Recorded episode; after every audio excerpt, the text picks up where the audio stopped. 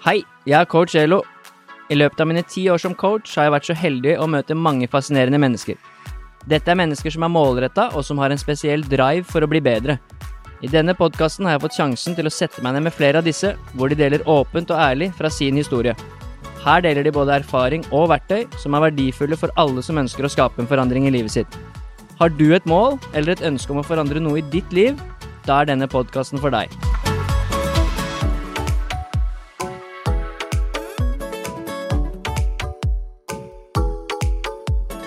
Hei og velkommen til en ny episode av Coach Elo med gjester. I dag så har jeg med meg enda en crossfit-utøver.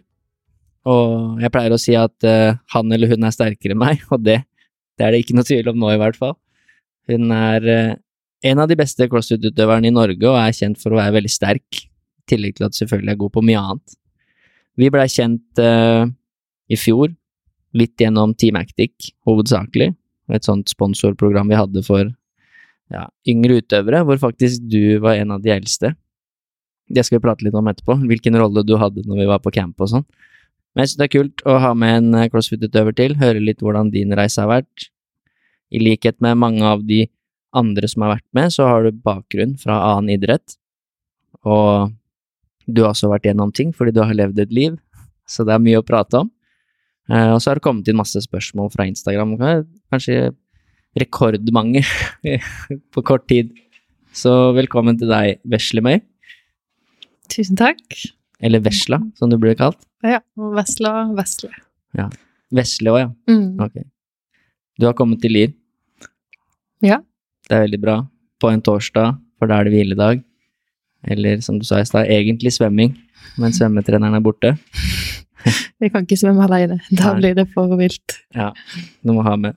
Så det er som jeg sier hver gang, jeg repeterer det sikkert, men det er torsdager og søndager som gjelder med dere crossfit-utøvere. Det kommer en annen crossfit-utøver på søndag, og alle episodene jeg har med crossfit-utøvere er på torsdager og søndager. For da har dere hviledag, eller rolige dager med svømming, da. Og i tillegg så kom du inn med mat i henda, og det har 100% av alle crossfit-utøvere hatt med seg mat. Så du lånte kjøleskapet. Takk for det. Ja. Men hva skjer? Hvordan er, hvordan er ståa i Oslo? Du har akkurat flytta dit. Du er jo sørlending, som de fleste vil høre ganske snart når du begynner å prate, men du har nylig flytta til Oslo. Ja, det, det er noe jeg har tenkt på en liten stund. Eh, og så er det godt å endelig ha tatt det valget, da. Og jeg kjenner at eh, det er her jeg har lyst til å være for å kunne satse litt bedre. Så Så det er det som er hovedgrunnen, sats, på grunn av satsing i CrossFit. ja. Mm. For du var eh, Det var noe prat om noe Danmark og noe greier også en periode, var det ikke det? Jo. Mm. Så kjente jeg nok litt på det at Eller jeg hadde en konkurranse sammen med noen danske i Madrid. Og da var det også et annet norsk lag med, da. Og så fikk jeg tenkt litt etter det, og så kjente jeg at ok, men jeg har lyst til å bo i Norge. Jeg har lyst til å føle meg norsk, representere et norsk lag, eller eh, individuelt, da. Ja, og da er Oslo bra, for der er det mange gode crossfit-utøvere. Vi skal snakke mer om det laget etterpå, for det er et, eh, det er et bra lag. Det er veldig mange gode utøvere på det laget, så det blir spennende å se hvor langt dere kan komme. Vi skal prate litt mer om det etterpå. Det har kommet inn litt spørsmål fra noen på det laget også, så det blir fint. Men uh, hvordan er det ellers nå? Nå er det jo Open som er på gang. Det er en ny Open-økt i morgen. Det var en forrige uke og så er det i morgen, og så er det neste uke. Hvordan har det gått? Første økt, sånn helt middels. Eh, Jeg prøver å tenke at open er bare en sånn kvalifiseringsdel, og tenke at jeg skal gjøre hver økt én gang for å bare komme seg gjennom, og så er det ikke noe det er viktig. Det, vi vet at vi kommer til å kvalifisere oss til eh, kvartfinale på en måte litt sånn uansett. Eh, Så da er det bare å prøve å holde så mye volum eller grunntrening i gang uten å jeg bruker for mye krefter på open, da. Så prøver å tenke at ok, det er en tøff konkurranseøkt, men vi gjør den én gang, og så ferdig med det. Og Open er jo for de som ikke kan så mye crossfit, for det er ikke alle lytterne som kan det. Det er jo kvalifisering til CrossFit Games. Det er den første kvalifiseringa. Og da kan jo teorien alle være med, alle som vil. Jeg har også gjort økta, jeg har ikke registrert den, da. Eh, Så, og så går man en viss andel, prosentandel går videre til kvartfinale, og så enda en mindre prosentandel går videre til semifinals, og så er det jo CrossFit Games, da. Så hvordan er det det funker for team? Fordi det er jeg faktisk litt usikker på. Det er jo sånn forandring i regler og sånn hele tida, men dere er jo fire på lag. Men dere må gjøre open individuelt. Mm. Hvordan funker det med team, og hvordan er det man kommer videre da? Da er det egentlig bare at alle må gjøre open individuelt, og så kan vi ha flere på en sånn roaster, da. Vi er fire på laget, og så melder vi oss på minst fire stykk til seks til åtte, eller jeg vet ikke hvor mange man kan ha med på roasteren sin, som det kalles. Og så registrerer man de beste scorene, da, til det firelaget. Og så telles det som en egen score på team som går videre til kvartfinale. Og så gjør man kvartfinale sammen, da, de fire som har bestemt at skal være på laget. Og det har dere bestemt. Det har vi bestemt, ja. Og det er jo veldig bra. Eh, kvartfinale, som du sier, dere er såpass gode at det går videre dit sånn nesten uansett. Jeg tror det er 60 eller 70 lag fra Europa som går videre dit. Ja. Mm. Og det er liksom greit for dere. Ja, vi regner med det, da. Ja. Ja. Og så blir det litt tøffere videre fra, semi, nei, fra kvart, og så blir det enda litt tøffere fra semifinals. Mm. Men det blir bra. Dere er godt i gang. Du skal, før vi skal ha litt spørsmål fra Instagram, så tenkte jeg å ta noen fun facts. Yeah. Jeg vet ikke hvor morsomme de er. Egentlig litt mer bare Jeg har ikke brukt så mye tid på å finne ut fun facts om deg. Det kunne jeg sikkert gjort. Kjenner jo Vi har mange felles bekjente. Men eh, det er noen fra hvordan vi i hvert fall ble kjent, da. Eh, og det var jo litt gjennom Team Actic. Du søkte om å få være med der, og du er den eldste, tror jeg, som var med i Team Actic. Men du er jo bare 25, Mm. så det var, det var fortsatt ikke gammel, men eh, litt eldre enn mange av de andre som var med, da. Så når vi var på camp i fjor, så var vi jo på Det blide Sørland i Kristiansand. Det var veldig gøy. Og da tok du på deg litt sånn mammarolle i det huset der, fordi alle utøverne bodde sammen i hus. Og da ble det litt bestemor i den gjengen der. Ja. Det stemmer, det.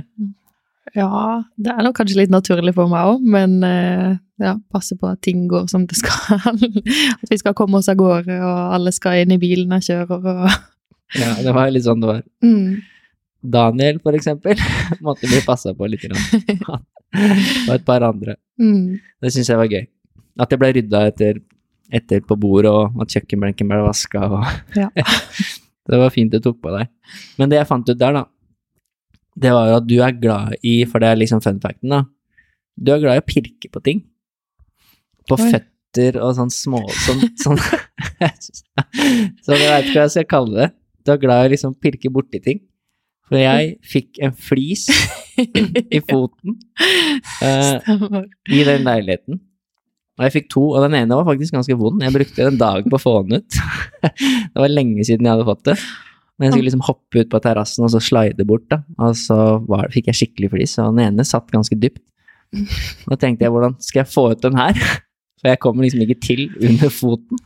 Og da Der er det som er fun facten, at det syns jo du var kult og ålreit å drive med, da. Å pirke på det. Men jeg tror ikke jeg fikk den ut engang. Du fikk ut den ene. Ja. Så da fant du fram en nål, og så hadde du foten min i fanget sikkert i en time. da satt du og pelte inni der. Det var, det var litt vondt, faktisk. På noen av de. Ja. Du ble litt frustrert når du ikke fikk ut den som satt dypest. Så da satt du den nåla ganske dypt inn et par ganger der. Shit. Men kan skal du si kort hva, hva er greia med det? Sånn pirking. Oi. Det, det er jo sykepleier, da. Utdanna sykepleier, men eh, jeg tror generelt er sånne småting. Jeg er veldig glad i å bare altså, klemme på kviser, eller Altså Please. Ja, det er litt Spiller ikke sånn noen rolle hvem det er sine, liksom. Nei. Hvis jeg ser en kvise på kjæresten min eller venner, eller sånn Oi, kan jeg ta den? Ja. Eller nappe Altså nappe bryn til andre, eller sånne ting. Det syns jeg er tilfredsstillende. Ja. Og Mm. fliser under føtter og sånn. Ja. Ja. Da koser jeg meg. Og så er det jo det er litt kjent for det i gjengen at du er også den som fletter. Ja. Du fletter alle jentene. Og så fletta du meg også i Kristiansand for gøy, så det var morsomt. Det så jeg du dreiv med inn på Oslo Trådland nå, du hadde kø på fletting. Ja. Så det er bra, det er bra man har noen som kan Du lever jo litt opp til uh, kallenavnet ditt her, Vesla. At du liksom er uh, som passer på litt og Virker og virker litt og Ja, det er bra, det. Så det var egentlig den ene funfacten. Også at uh, når vi var der nede, skulle vi ha en løpeøkt uh, på bane. Og vi skulle egentlig ha en løpeøkt med en kar som jeg kjenner der nede, som jobber i Olympiatoppen. Nå husker jeg ikke hva han heter igjen. Øyvind? Øystein?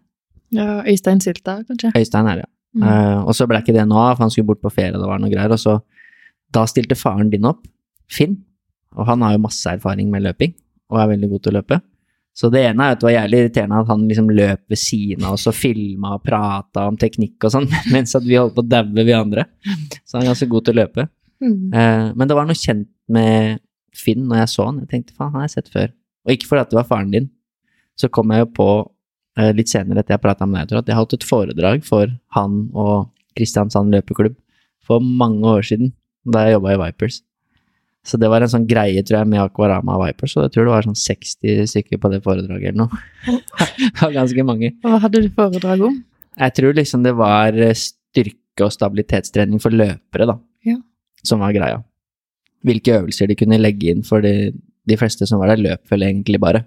Og så var det litt plager med knær og hofter og plantar og fasitt og sånne type ting, og så Mm. var det vel egentlig bare at det er lurt å legge inn litt styrke på ett bein, og kanskje litt aktivering av diverse muskler, og styrke litt hoftebøyer og bare sånne ting, tror jeg. Jeg husker ikke helt hva jeg prata om. Jeg, Men jeg tror han har blitt inspirert av det. ja, det var noe sånt. Så er det vel noen tøyeøvelser og litt sånn forskjellig. Mm. Men det var gøy, det. Så det var der jeg huska han fra. Eh, Men jeg visste jo ikke at det var din far, da. Så det det var litt sånn vi ble kjent, kanskje ekstra godt på den eh, campen. Eh, Og så har vi jo hatt litt kontakt etter det, så allikevel så kjenner jeg ikke deg i det hele tatt. Egentlig. Og jeg har fått over litt punkter og ting vi skal prate om i dag, som blir veldig interessant å prate om. Og det er jo din historie og litt ting som du har gått gjennom i ditt liv, og det kan jeg ingenting om. Så det blir spennende. Men før det så er det litt spørsmål fra Instagram, så du også kan få i gang prateapparatet litt. For du skal prate mer enn meg i dag. Yes. Ja, nå er jeg klar. Er du klar for det? Jeg håper det. Ja. Jeg la ut eh, spørsmål på Instagram i går, og det har kommet rekordmange. Jeg har ikke telt, men det er over 20 på kort tid. Uh, og vi kan ikke ta alle de. Det kan godt hende det har kommet noen flere nå også, jeg har ikke sjekka i dag da, på Instagram. Men vi tar noen av dem. Jeg har huka ut noen. Og så er det noen som jeg tror vi kanskje kommer tilbake til i episoden, da. Så vi kan ta en fra en på laget ditt med en gang, da, som er Henrik Guttevik. Eller begge gutta på laget heter Henrik. Men dette er jo da Henrik Yttervik, eh, som jeg for så vidt har fått anbefalt å ha med i poden. Så kanskje vi må det en gang òg. Han spør hvilken lagkompis du liker best. Og han spør for en venn, sier han. Han spør ikke for seg sjøl. Oi. Da må jeg si Ingrid, da, siden Ja. han eh, antyder seg selv. Ja. Oi. Nei, jeg er veldig glad i alle. Det her er å bli på kort tid. Det kan jeg se på meg som veslemøysvar, at eh, jeg liker alle. Hvis du må velge. Jeg kan ikke rangere noe sånt. Det er, nei, jeg syns vi har god kommunikasjon, og det er en fin gjeng, Ja. alle sammen. Det virker jo som ålreite folk. Du sa det i stad, når jeg henta deg på togstasjonen, altså at du var veldig fornøyd med teamet ditt. Og ikke bare at de var gode, men at det var bra mennesker, da. Mm. Det tror jeg det blir bra. Så der får du ikke svar på det nå, Henrik. Men han lurer også på hvorfor du hikker så mye. Ja, det vet ikke helt hva. Um, han har nok lagt merke til det. Vi har vært mye sammen nå de siste ukene, eh, på Gran Canaria, blant annet på treningsleir, og da, da har minst sånn én hikk daglig. Det kommer litt sånn Selv om det er etter man har spist, eller eh, på kvelden, eller når som helst, det kommer det bare en sånn liten hikk. Det kan godt være det gjør det mens vi prater nå, men Én, bare. og så er jeg ferdig. Det er sjelden jeg får sånn hikkeanfall. Men Ok. eh, Du får bare én. Ja. ja. For det hadde ikke vært sånn kjempeutgangspunkt for pod hvis du hadde fått det hele tida. Nei. Men det får du ikke. Jeg tror ikke det. Det pleier å gå fint. Okay. Kanskje én. Så hvis du hikker, så veit folk hvorfor at, hva som skjer, da. Ja. Men det er bra. Uh, litt andre spørsmål. Skal vi se. Anina har sendt inn noen spørsmål. Hun har også vært med i Team Actic, da. Så hun lurer på, egentlig, som du kanskje kommer inn på etterpå, men uh, hvordan du fant CrossFit, og hva som var grunnen til at du bestemte deg for å satse på det. Ja. Hm. Eh, Jeg drev med friidrett alle mine første år, eller fra jeg var fem-seks år til jeg var 18-19. Og så, det kan jeg fortelle sikkert litt mer om seinere, men så var det litt skader, og jeg skulle i militæret. Og ja, treningsgruppa ble litt oppløst i friidretten, da, og så savna jeg noe annet å drive med. Så det er en som heter Frank Leandro, det vet kanskje hvem du er, en fra Kristiansand eller Vennesla. Eh, han var også i løpemiljøet tidligere, eh, litt med pappa og sånn, han hadde vært med oss på treningsleir, og jeg visste godt hvem han var. Veldig sånn blid og jovial, hyggelig type. Han var sånn Veslemøy, nå må du prøve ut crossfit. Kom på en time, og så kan du se åssen det er. Eh, så gjorde jeg det, og det var på Spikeren, da. Det er treningssenteret i Kristiansand. Så var jeg med et par ganger på det, men det var også mens jeg holdt på med friidrett, og ville ikke helt gi slipp på friidretten, da, eller sprint. Og så ja, Det var litt før jeg dro i militæret, og i militæret trente vi litt eh, crossfit-inspirert innimellom, og litt mer utholdenhet enn det jeg var vant til. Så når jeg kom hjem, så var treningsgruppa vår oppløst, da, og jeg kjente at jeg nå måtte prøve noe annet. Og da var det det jeg begynte med, da. Var litt mer med på timer på Spikeren, og så dro Frank meg med på CrossFit-kvadraturen. Ja, det er bra. Vi, som du sier, vi kommer inn på det etterpå. Mm. Eh, så det blir spennende. Ja, Anine sendte to, og det andre var at eh, hun eh, Når hun er lei av kylling og ris, hva er din favorittrett? Oi. Hun trenger tips, er jo det som er greia. ja. Jeg spiser mye kylling og ris, jeg òg, men eh, det er jo mange varianter av kylling og ris, da, tenker jeg. Mm. Altså, jeg kan ha For et par dager siden lagde jeg Var liksom litt lei av tørris, og da stekte jeg risen med egg. Det gir en sånn liten annen variant. Ellers er jeg også veldig glad i pasta og karbonadedeig. Mm. Eller søtpotet og kylling i wrap med grønnsaker. Det kan jeg spise ofte. Eller så er det stort sett det det går i, ja. Kylling og karbonade Ja. i forskjellige Så varianter. Ikke så veldig mange gode tips der til Anine, men, eh, Men jeg vet jo at Anine er veldig glad i biff, for det spiste vi i Kristiansand. mm, Det var hun og jeg som spiste det til nesten alle måltider. Så det kan jeg si til henne, at eh, prøv noe med biff. Det blir aldri feil. Mm. Og det er et sterkere dyr enn kylling. Så det får bedre proteiner. bra, da blir man sterkere. Så ja, det er bra. Du fikk ikke så mye tips der, Anine. Vi kan snakke om det siden. Eh, Det er noen som lurer på litt, og jeg tror eh, kanskje også at du vil komme inn på det etterpå. Men hvis du har hatt noen tunge perioder i livet ditt, hvordan har det påvirket treninga di? Jeg tror egentlig jeg har hatt lyst til å bare trene mer i vanskelige perioder. Men eh, jeg tror noen av de vanskelige periodene har også vært på grunn av skade. Sånn at det har vært vanskelig å trene som vanlig, eller trene, trene som før, da. Eh, Så treninga har vel egentlig hjulpet. Det er litt sånn Jeg tror jeg tenker at det er alltid et eller annet man kan gjøre. Også når jeg drev med sprint og friidrett og nesten bare brukte beina, så så fant jeg en måte å trene på. Og har alltid vært glad i variert trening, så da Om det er å gå seg en tur i skogen eller eh, trene en andel av kroppen, så hjelper det. Ja, det er et bra svar. Eh, Det er en som lurer på hva som er forskjellen på det når du forbereder deg mentalt til et vektløftingsstevne versus en crossfit-konkurranse. For du har jo konkurrert i begge deler. Du var med i NM i begge deler i fjor, både vektløfting og functional fitness. Forskjellen på det, ja. Jeg føler at det er litt det samme. Eh, Du må bygge opp selvtillit og være tøff og mentalt klar til begge.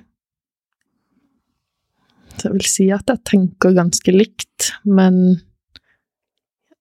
i vektløfting så er det så sinnssykt små marginer. Altså hvis du tenker et millisekund på at du er litt usikker eller har ikke helt troa, så mister du det på en måte.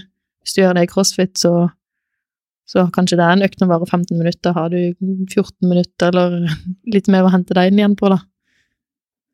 Så kanskje man må være enda litt mer skjerpa på vektløfting, at man eh, Du er 100 til stede der og da. Og så er det jo litt andre rammer ofte. Det er ofte Mm. sånn rolig, og det er ikke så mye sånn trøkk. Nei, Eh, Ja, det, det pleier jo faktisk å Det syns jeg kanskje er litt kjipt med vektløfting, da. Mm. At det blir litt sånn stille og kjedelig. Så jeg er glad i å kanskje, før jeg går ut på plattinga, så pleier jeg kanskje å slå meg selv på lårene, skrike litt, eller et lite brøl, og så på tyngste eller siste forsøk så er jeg glad i å få i gang publikum, da. Mm. At jeg setter i gang sånn klapp, klapperytme. Alle disse tingene her har jeg sett. Ja. Dette er vel ikke noen ganger, det er vel stort sett hver gang. Ja, det blir kanskje det. Men når vi hadde Future of Games, hvor du for øvrig ble nummer to, det er veldig imponerende. En stor konkurranse som var for noen uker siden.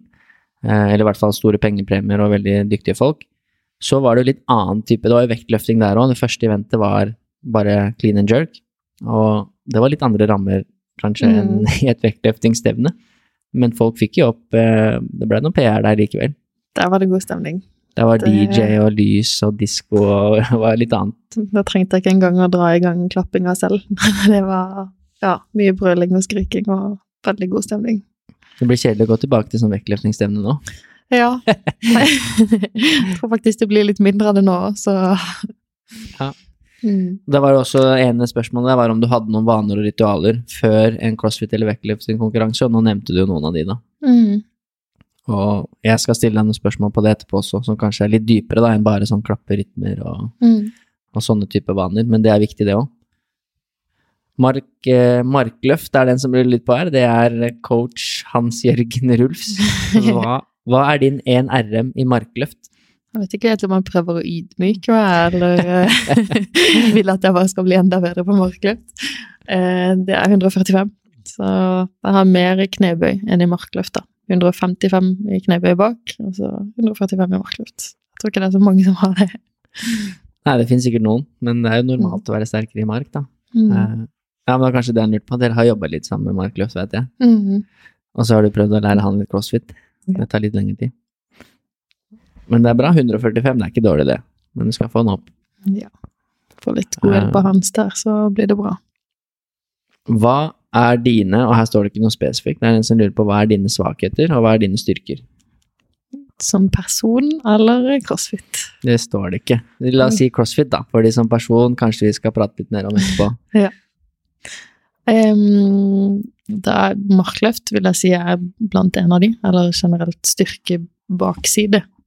Når det blir Mm. høy rep markløft, så kan jeg slite litt med ryggen, og bare styrken der generelt. Ellers så jobber jeg også mye med kondisjon, løping spesielt, over litt lengre tid. Og bare holde ut. Og det styrker og svakheter. Mm. Ja, det er Styrker er jo Altså, olympisk vektløfting er jo en av de, da. Jeg er jo glad i snatch og clean jerk og bøy-varianter. Ellers vil jeg også si at uh, alle handstand og gymnastikk har kommet seg veldig, så det kan også være en styrke. Så bra.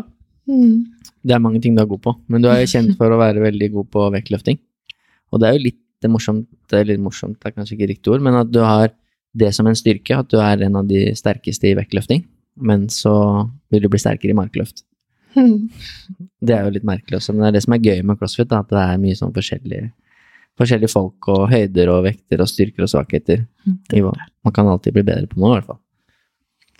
Og så er det din kjæreste som lurer på om du er sterkere enn han. ja, jeg har lyst til å si det. Enn så lenge. På noen ting. Men eh, ikke alt. Det er bra. Mm. Du er både sterkere og bedre enn han. Takk. enn så lenge. Ja. Men han var med å konkurrere i Oslo også. Mm. Det var litt kult. Jeg visste ikke at han drev med det. Ja, det var ganske bra. Han Ja. var i finaleheatet der på Ja.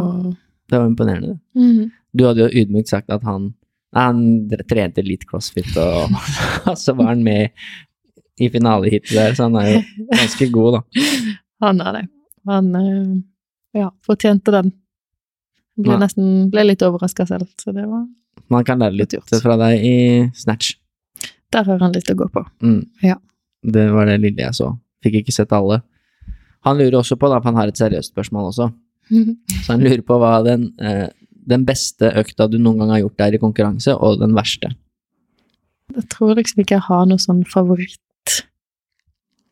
Altså, da tenker jeg på en økt der det har gått veldig bra. Um, Ja, det første som dukker opp i hodet mitt nå, var jo Oslo Throwdown, da. Da var det en økt som jeg vant, og da er det jo selvfølgelig at det er gøy, og kanskje noe av det beste. Det var en økt med jeg tror det var 36 chester War, og så var det snatch. Og da Ja, jeg visste at jeg måtte gjøre det bra for å kunne klatre litt på resultatlista. Og det gjorde jeg, da. Gikk unbroken på chester bar, og touchen går på snatch. Og så var det kjempegod stemning, og jeg vant den, da. Det kan jo hende, det er morsomt at du nevner den, da, fordi at jeg husker den økta, men også fordi at det er jo den økta jeg la ut i går på Instagram. Ja, stemmer det. Jeg la ut en liten reklame med noen Mm. spørsmål, så var det jo fra den økta, Mm. hvor du ser noe chesterbar der, og du ser snatchen din også. Mm. Så det er kult. Hva er den verste økta du har gjort, da? Verste La oss si det har vært mest vondt etterpå. Åh, jeg tror i Madrid så konkurrerte jeg sammen med et dansk lag, og da, på det laget, da, så var jeg dårligst å løpe. Jeg tror det var en sånn to kilometer løp rett inn i en ny amrap med toaster bar, tung dumble snatch, og ja, det var vel det. Og da Altså, de virkelig pusha meg. Vi måtte løpe alle fire eh, to kilometer i et felt. Vi begynte nesten helt bakerst, sånn på linje. Så vi, måtte, vi visste at vi måtte begynne ganske raskt for å klare å ta igjen, for det var ganske smale veier bortover.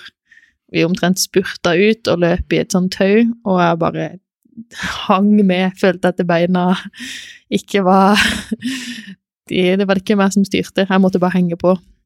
Og vi kom i mål, og det var så vondt, og så var det tror jeg, to eller tre minutter til vi skulle begynne på den armrappen. Var helt ødelagt etterpå. Men det var kanskje også en av de beste, for da kjente jeg at jeg virkelig hadde pusha grenser. Det er jo det som er litt gøy med dere crossfitter, at dere liker å ha det vondt ja. på en eller annen merkelig måte. Mm. Det er det mange som har sagt, som har vært med. Både Kristin og Lea og sånn, tror jeg de begge har sagt det. Seher og at de er litt glad i å ha det vondt. Så dere er jo litt spesielle. Alle toppidrettsutøvere er det egentlig. Men kanskje det her var en av grunnene til at ikke du gadd det danske laget mer. Det her, skal jeg ikke være med på mer, altså. Oh. Ai, ak akkurat det var jo bra etterpå, da. Vi fikk en grei plassering, så Ja. smerte må man tåle. Det er fint. Vi skal ta det siste spørsmålet, kan vi ta? Mm. Uh, før vi begynner med din historie, som er kanskje det mest interessante. Og det er en som lurer på hva som var den største endringen du måtte gjøre da du begynte å satse på crossfit. La oss si du gikk fra friidrett til crossfit, da. Jeg tror nok jeg er veldig glad i å være sosial og være sammen med familien. Eh, Jeg tror jeg fortsatt klarer det når jeg trener så mye som jeg gjør, men Eller å være sammen med venner. Men det er nok å være mindre sosial, da, på en måte. Og nå får jeg det sosiale mer på trening, så da blir kanskje familien eller de andre vennene føler jeg at blir litt satt på vent. Ja. Mhm. Det tar mye tid med crossfit. Mhm. Og nå har du flytta fra Sørlandet òg. Men Ja. Sørlandet er en veldig fin by å besøke, det kan jeg si. Ja. Så jeg har bodd der i fire år sjøl, og så flytta, og det er veldig deilig å bare komme ned og besøke Sørlandet. Mm, Da setter du enda mer pris på det. det tror jeg kommer til å gjøre. Det er fint, spesielt på våren og sommeren. Men det er bra, det var mange spørsmål. Det er fortsatt mange spørsmål igjen der. Vi kan ikke ta alle, for da blir det bare spørsmål, tror jeg. Du skal få noen av meg underveis i dag òg. Men nå skal vi høre litt mer om din historie. Og der er det mange punkter jeg gleder meg til å høre mer om og prate litt om. Så vi kan jo starte med det at eh, du er født i en aktiv familie, og at du begynte på friidrett når du var fem år. Og så kan vi ta det derfra, for det, da var du jo ganske liten. Ja. Eh, mamma og pappa, de, de møttes på friidrett, da. Møttes på friidrettsbanen.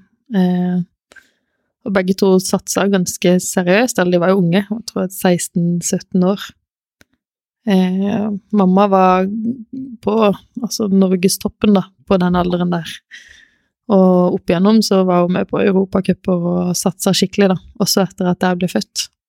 Så når jeg var liten, var jeg med på friidrettsstevner og tusta rundt på banen der omtrent alene, og så på når mamma hoppa tresteg, da. Det var det hun drev med. Så ja, jeg har liksom fra da vært med til å være med rundt, og vært vant til at de er aktive og er ute på ting eller trening og alt mulig. Og pappa også drev og løp mye og, og sånn. Så da ble det veldig naturlig for meg når mamma etter hvert ble, skulle være trener for oss som var litt yngre, da. Eller hun ble det. Så skulle jeg selvfølgelig være med på friidrett, da. Og faren din løper enda. Ja. Mye. Han er fortsatt god til å løpe. Mm. Moren din kjenner jeg ikke, da, men eh, han er veldig god til å løpe. Tresteg det driver man kanskje ikke med etter hvert når man blir voksen og eldre. Men Nei. løping kan du holde på med lenge, da. Det er sant. Men eh, hvordan er den videre der, hvis man tar først Vi skal prate litt om, eh, litt om eh, at du har mange søsken og sånn etterpå, for det Mm. visste jeg heller ikke. Det var syv søsken. Men eh, hvordan var det litt med friidretten, da? Du holdt jo på med det fra du var fem år til du var 19. Mm. Så det er jo gode 13-14 år her med friidrett. Så fra å løpe litt rundt på banen der og se på foreldrene dine, så vil jeg jo tro at det ble noe litt mer enn det etter hvert, Mm. siden du holdt på med det så lenge, da. Jeg tror jeg har alltid hatt mye konkurranseinstinkt, men kanskje aller mest av alt vært glad i å bare være i bevegelse og trene. Så når jeg begynte da når jeg var fem-seks år, så var man jo med på alt, og i friidrett gjør man alt når man er liten, da. Man eh, hopper lengde og løper 60 meter og støter kule og hopper høyde og løper litt lengre, kanskje òg. Det var mange som begynte å konkurrere da når man var fra ti år, cirka. Ni, ti, elleve år. Og da begynte vi tidlig å reise litt rundt på Tyrving-lekene, het det da. Reiste inn til Oslo. Så i mange år var jeg med på det. Vi kjørte hele familien og med hele gruppa, og sov på skole der, da. Så det var liksom en del av en del av oppveksten sånn i friidretten. Ja. Så var vi med og Da var jeg jo med på alle øvelsene som var. Altså, vi gjorde kanskje åtte forskjellige øvelser på en konkurransehelg, da. Så det var jo litt sånn, litt sånn som crossfit er òg, da. At du konkurrerer ikke bare i én øvelse. Du gjør alt mulig. Ja, det høres jo litt ut som crossfit. Mm. Åtte forskjellige øvelser, og gjerne flere enn det òg. Ja. Men når er det du spesialiserte deg inn på sprint, da? For det er det du sa du har i hvert fall drevet med Det er det jeg har hørt når du har prata om friidrett, da, at det var sprint du drev med. Mm. Da Det begynte vel fra jeg var sånn 11-12 år. Det var jo kanskje de Når jeg var 9 og 10, så var det ikke sånn at jeg egentlig løp. Jeg løp ikke 600 eller 800 meter da heller. Det var, det var nok mer eksplosiv fra jeg var liten også. Men fra jeg var 12-13, så var det på en måte sprint og litt hekkeløp og det jeg valgte litt mer, da. Så jeg konkurrerte i det fra jeg var 12 til 17-18, da. Mm. Det er ganske mange år, det. Tror du du har fått med deg noe derfra til crossfit, da? Ja, absolutt. Det, I friidrett så var vi jo vant til å hoppe veldig mye. Altså hoppe, trappeløp, mye spenstrening, sprint, veldig variert, da. Og de siste årene der, eller fra jeg var 15-16 og begynte på idrett, så fikk vi også en, en veldig flink friidrettstrener. Harald het han. Og han var veldig glad i å gjøre ting variert. Han har vært trener for en eh, som har vært i OL i mannkamp. Kanskje du kjenner Er det Hans Olav Uldal? Nei. Er, nei, han er litt i håndballmiljøet også. Men jeg kjenner Benjamin. Okay. Benjamin Jensen, han drev også med tikamp. eh, Ja, han har jeg hørt om. Ja. Han er fystrener for landslaget, eller ressursperson for Olympiatoppen, da. Og har mm. vært litt involvert i håndball. Så han har mye sånne, hva skal du si, type friidrettsdrills, da, som Ja. han også bruker på håndballspillere. Mm. Alt fra om det er løping i trapper til uh, høye kneløft og Mm. ting som for er få i gang løpssteget, da. Og det er mye det som er kjempebra å ha, Det det. som både oppvarming og aktivering og vi gjør litt av det, spesielt med de som trenger å bli litt mer eksplosive. Ja. Ja. Det var det som jeg syntes var utrolig gøy, da. I sprinter så Husker hver tirsdag så hadde vi sånn Vi hadde spensttrening blanda med litt sånn turn. Så vi hoppa i trapper, og vi rulla rundt på matter. Sånn i crossfit da, så kaller vi det hollow og arch, og jeg visste ikke hva det var da, men det var en sånn støtteøvelse han gjorde med oss for å styrke kjerne. Eh, og vi òg Han ville at vi skulle lære å gå på hendene, av en eller annen grunn. Det mente han var bra. eh, så han sa ja, du er god når du klarer å gå 30 meter, eller hvor lang er en håndballbane? 40? Ja, den er 40. 40. eh, han sa du er flink når du klarer å gå 40 meter på hendene. da. Så det syns jeg var litt kult. Eh, så øvde litt på det bare for gøy og, og sånn.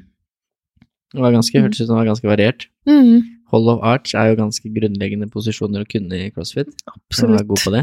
Mm, Og selvfølgelig at du får mye volum av trening og sånn. Mm. Mye støt og handstand. Det, det er jo viktig. Men eksplosiviteten, eksplosivitet, tror du du har fått med deg noe derfra? At du er selvfølgelig eksplosiv av natur Ja. og har med deg noen gener, men Mm. eh, du er jo god i clean and jerk og snatch, og det er veldig eksplosive det, øvelser hvor du egentlig hopper mm. for å skape moment, da. Vi har gjort sinnssykt mye trappeløp og trappehopp og hopp på bakken, og det har hjulpet mye. Mm. Eh, på idrett så drev vi jo litt med sånn dårlig teknikk med frivending, eller clean, da. Mm. Dunka litt langt ut fra kroppen, og snatch, hvor vi også dunka i hofta. Og den skulle bare over hodet. Det var ikke så nøye, så lenge du på en måte smalt med beina i bakken, da. Det mente de var bra. Det er litt sånn, Nå tenker man at ja, det kunne nok vært litt bedre, men eh, veldig glad for at jeg har hatt den ja, han flinke treneren, da, og mange andre opp igjennom som har vært såpass varierte. Ja, man kan jo få et bra grunnlag der òg. Det er litt sånn vanlig i håndball også, at man har gjerne sånn hang power clean, da, med litt dårlig teknikk. Men det er jo det som er, at det er i hvert fall mye kraft, da. Ja. Det er mye kraft, og så trigger nervesystemet skikkelig, og så er det mange som er eksplosive og sterke, så de får jo opp en del vekt. Mm, Så noe får du sikkert med deg, ja. selv om teknikken ikke er helt konge, da. Jeg kom på mamma òg. Har alltid liksom skrytt av at hun er ganske eksplosiv. Så jeg har nok arva litt derfra òg. Og pappa òg lettrent, sånn på styrke. Når han trener styrke, så bygger han seg fort opp. Eh, men jeg tror mamma sa at hun tok Det vet jeg ikke helt om jeg tror på enda, men at hun tok 200 kilo i knebøy. Men det var sånn halve knebøy, da. Eller Mm. sånn der sånn som man gjør i friidrett. Eller sånn. Det ikke 90 grader, men hva det 60 eller 75. Ja, det er litt annerledes. Ja. Men det er jo, ja, som sier, det er jo mye bra overføringsverdi der likevel, da. Mm. Jeg har jo hatt håndballspillere og har fortsatt som kan hang power clean 90 og 95 kilo, og de liksom gjør det bare ved siden av en idrett, men de er veldig eksplosive, da. Mm. Og det er jo mange som sliter med den vekta i crossfit òg, selv på høyt nivå, når det begynner å nærme seg 100. Så du får sikkert med deg noe. Det tror jeg.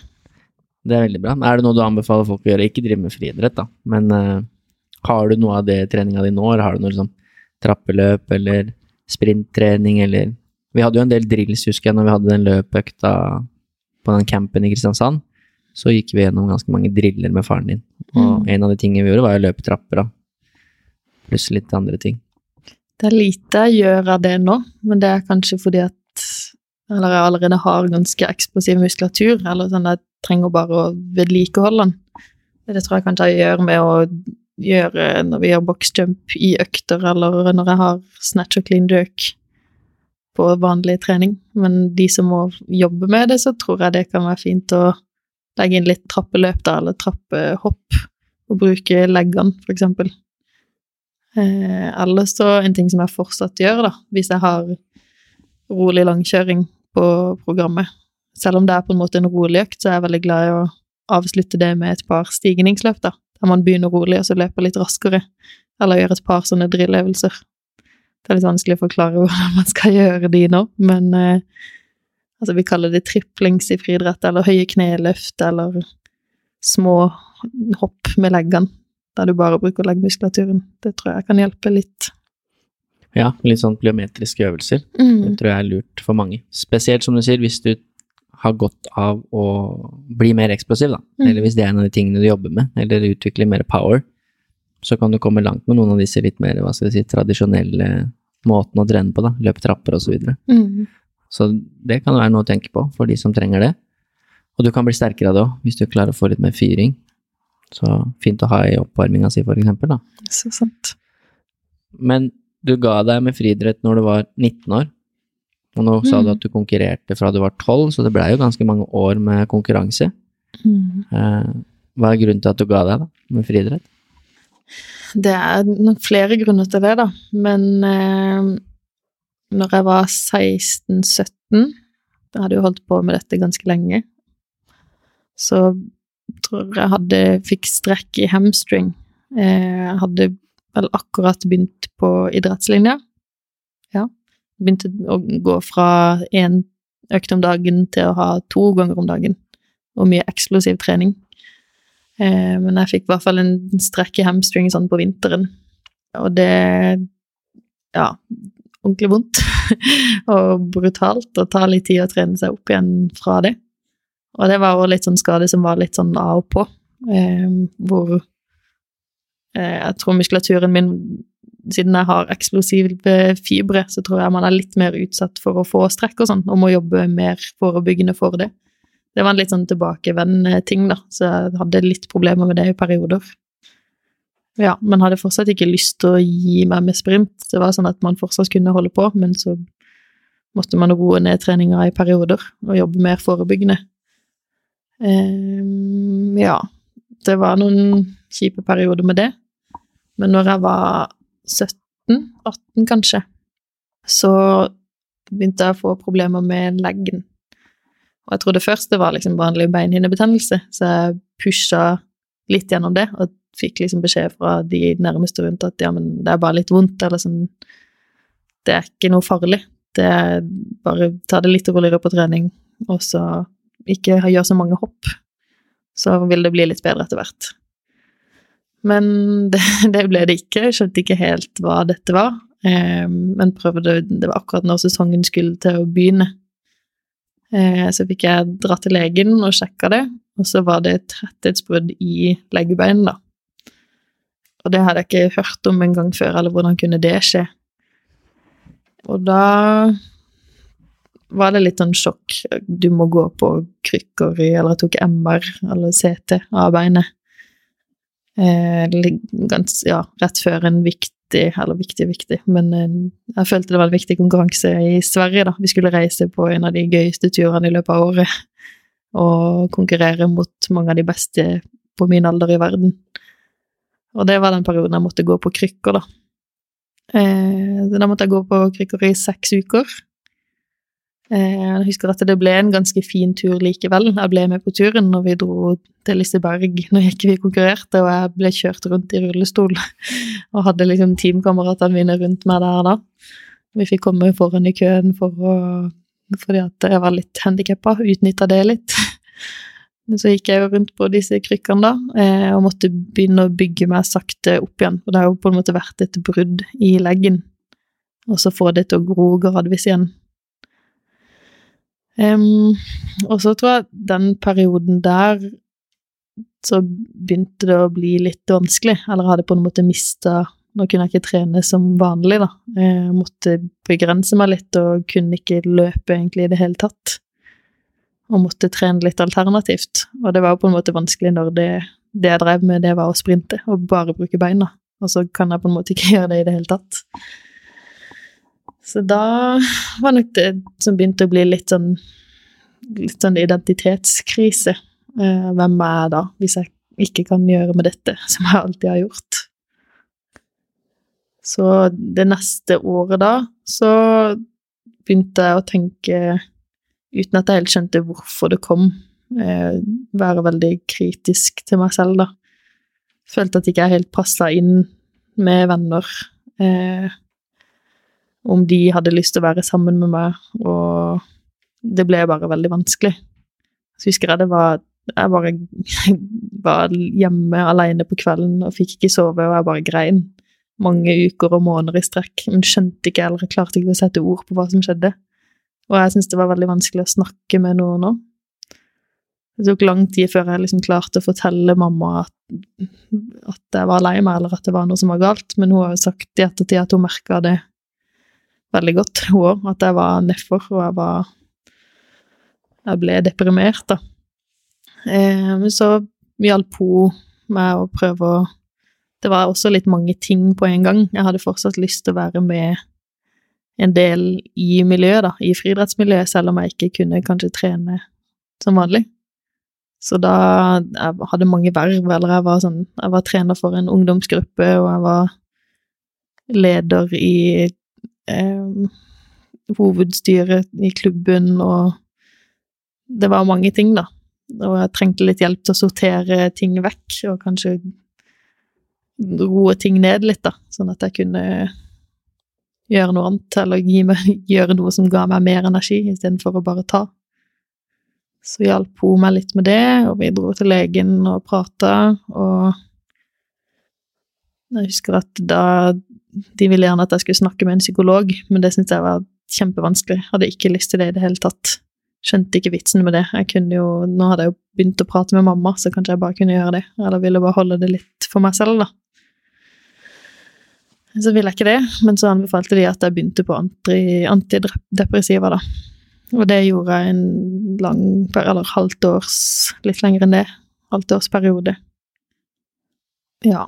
Eh, det er vanskelig å huske tilbake på alt. Det er litt sånn Jeg trengte litt hjelp av mamma òg til å huske tilbake på dette, for jeg tror det er mye jeg har fortrengt litt. Eh, men jeg husker det var sånne perioder der jeg kjørte hjem alene fra trening.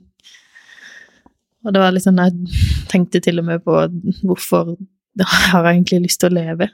Det er rart å tenke tilbake på nå. Men jeg har jo aldri, har aldri hatt sånne tanker før. Men eh, det var liksom en litt lang, kjip vei å kjøre alene, da. Så jeg tenkte sånn Hva skjer hvis jeg bare kjører bilen inn i den eh, fjellveggen nå? Ja, det var litt mer enn noen utfordringer som du skrev på notatene til meg, da. Jeg skjønner jo at eh, det er noe du har fortrengt, da. Og at det sikkert er vanskelig å huske tilbake på det, og ikke minst prate om det.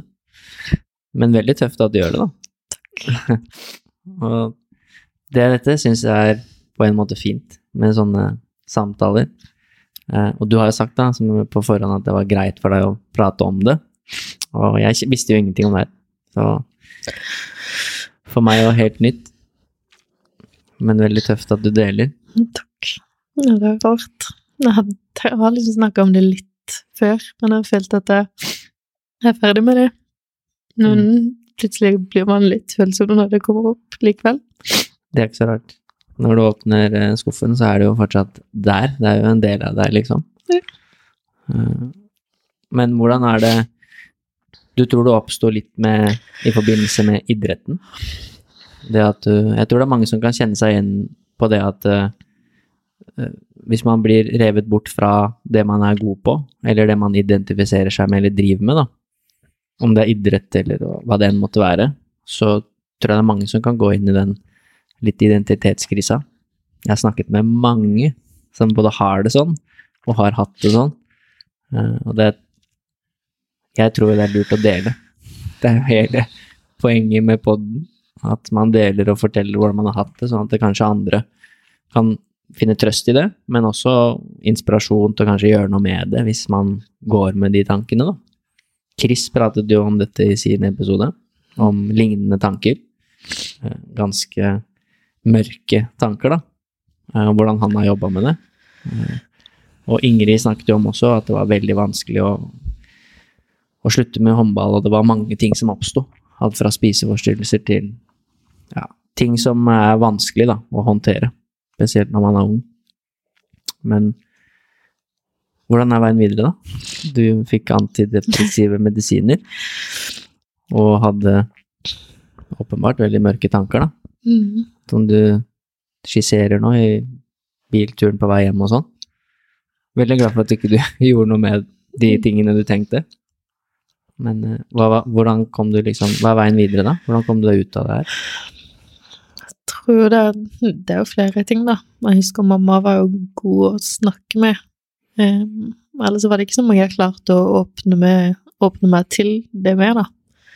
Det var liksom ei venninne spesielt da, som jeg fortalte det til etter hvert. Så det var nok med på å hjelpe å hjelpe noe, sammen med de tablettene, og at jeg fikk sove bedre og fikk hjelp av mamma til å få ting litt vekk, da, eller ta bort de vervene og faktisk si at Eller at noen andre kan si at ok, Vestløy, nå, nå, er det litt mange ting på en gang, nå må vi rydde litt her. Så det, det er jo det å snakke med noen om det. Jeg angrer på at ikke jeg sa ja til å bare snakke med psykolog med en gang. Akkurat som Det er jo ikke noe farlig. Men det er en terskel. Det er det. Det er jo sånn med alt med crossfit òg. Altså, crossfit er en kjempestor terskel for mange. Det er jo ikke noe farlig, det er ikke noe skummelt i det hele tatt, egentlig.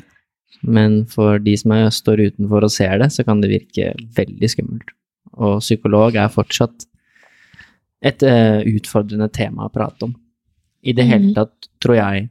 Det er derfor jeg er glad i å ha sånne samtaler. Jeg liker å bli litt kjent med liksom, hvem er du, og uh, hva har du gått gjennom, liksom. Hvis man er komfortabel med å dele, da. Men jeg, det er vanskelig for folk å be om hjelp. Mm. Det er vanskelig for folk å kanskje innrømme at man har det vanskelig.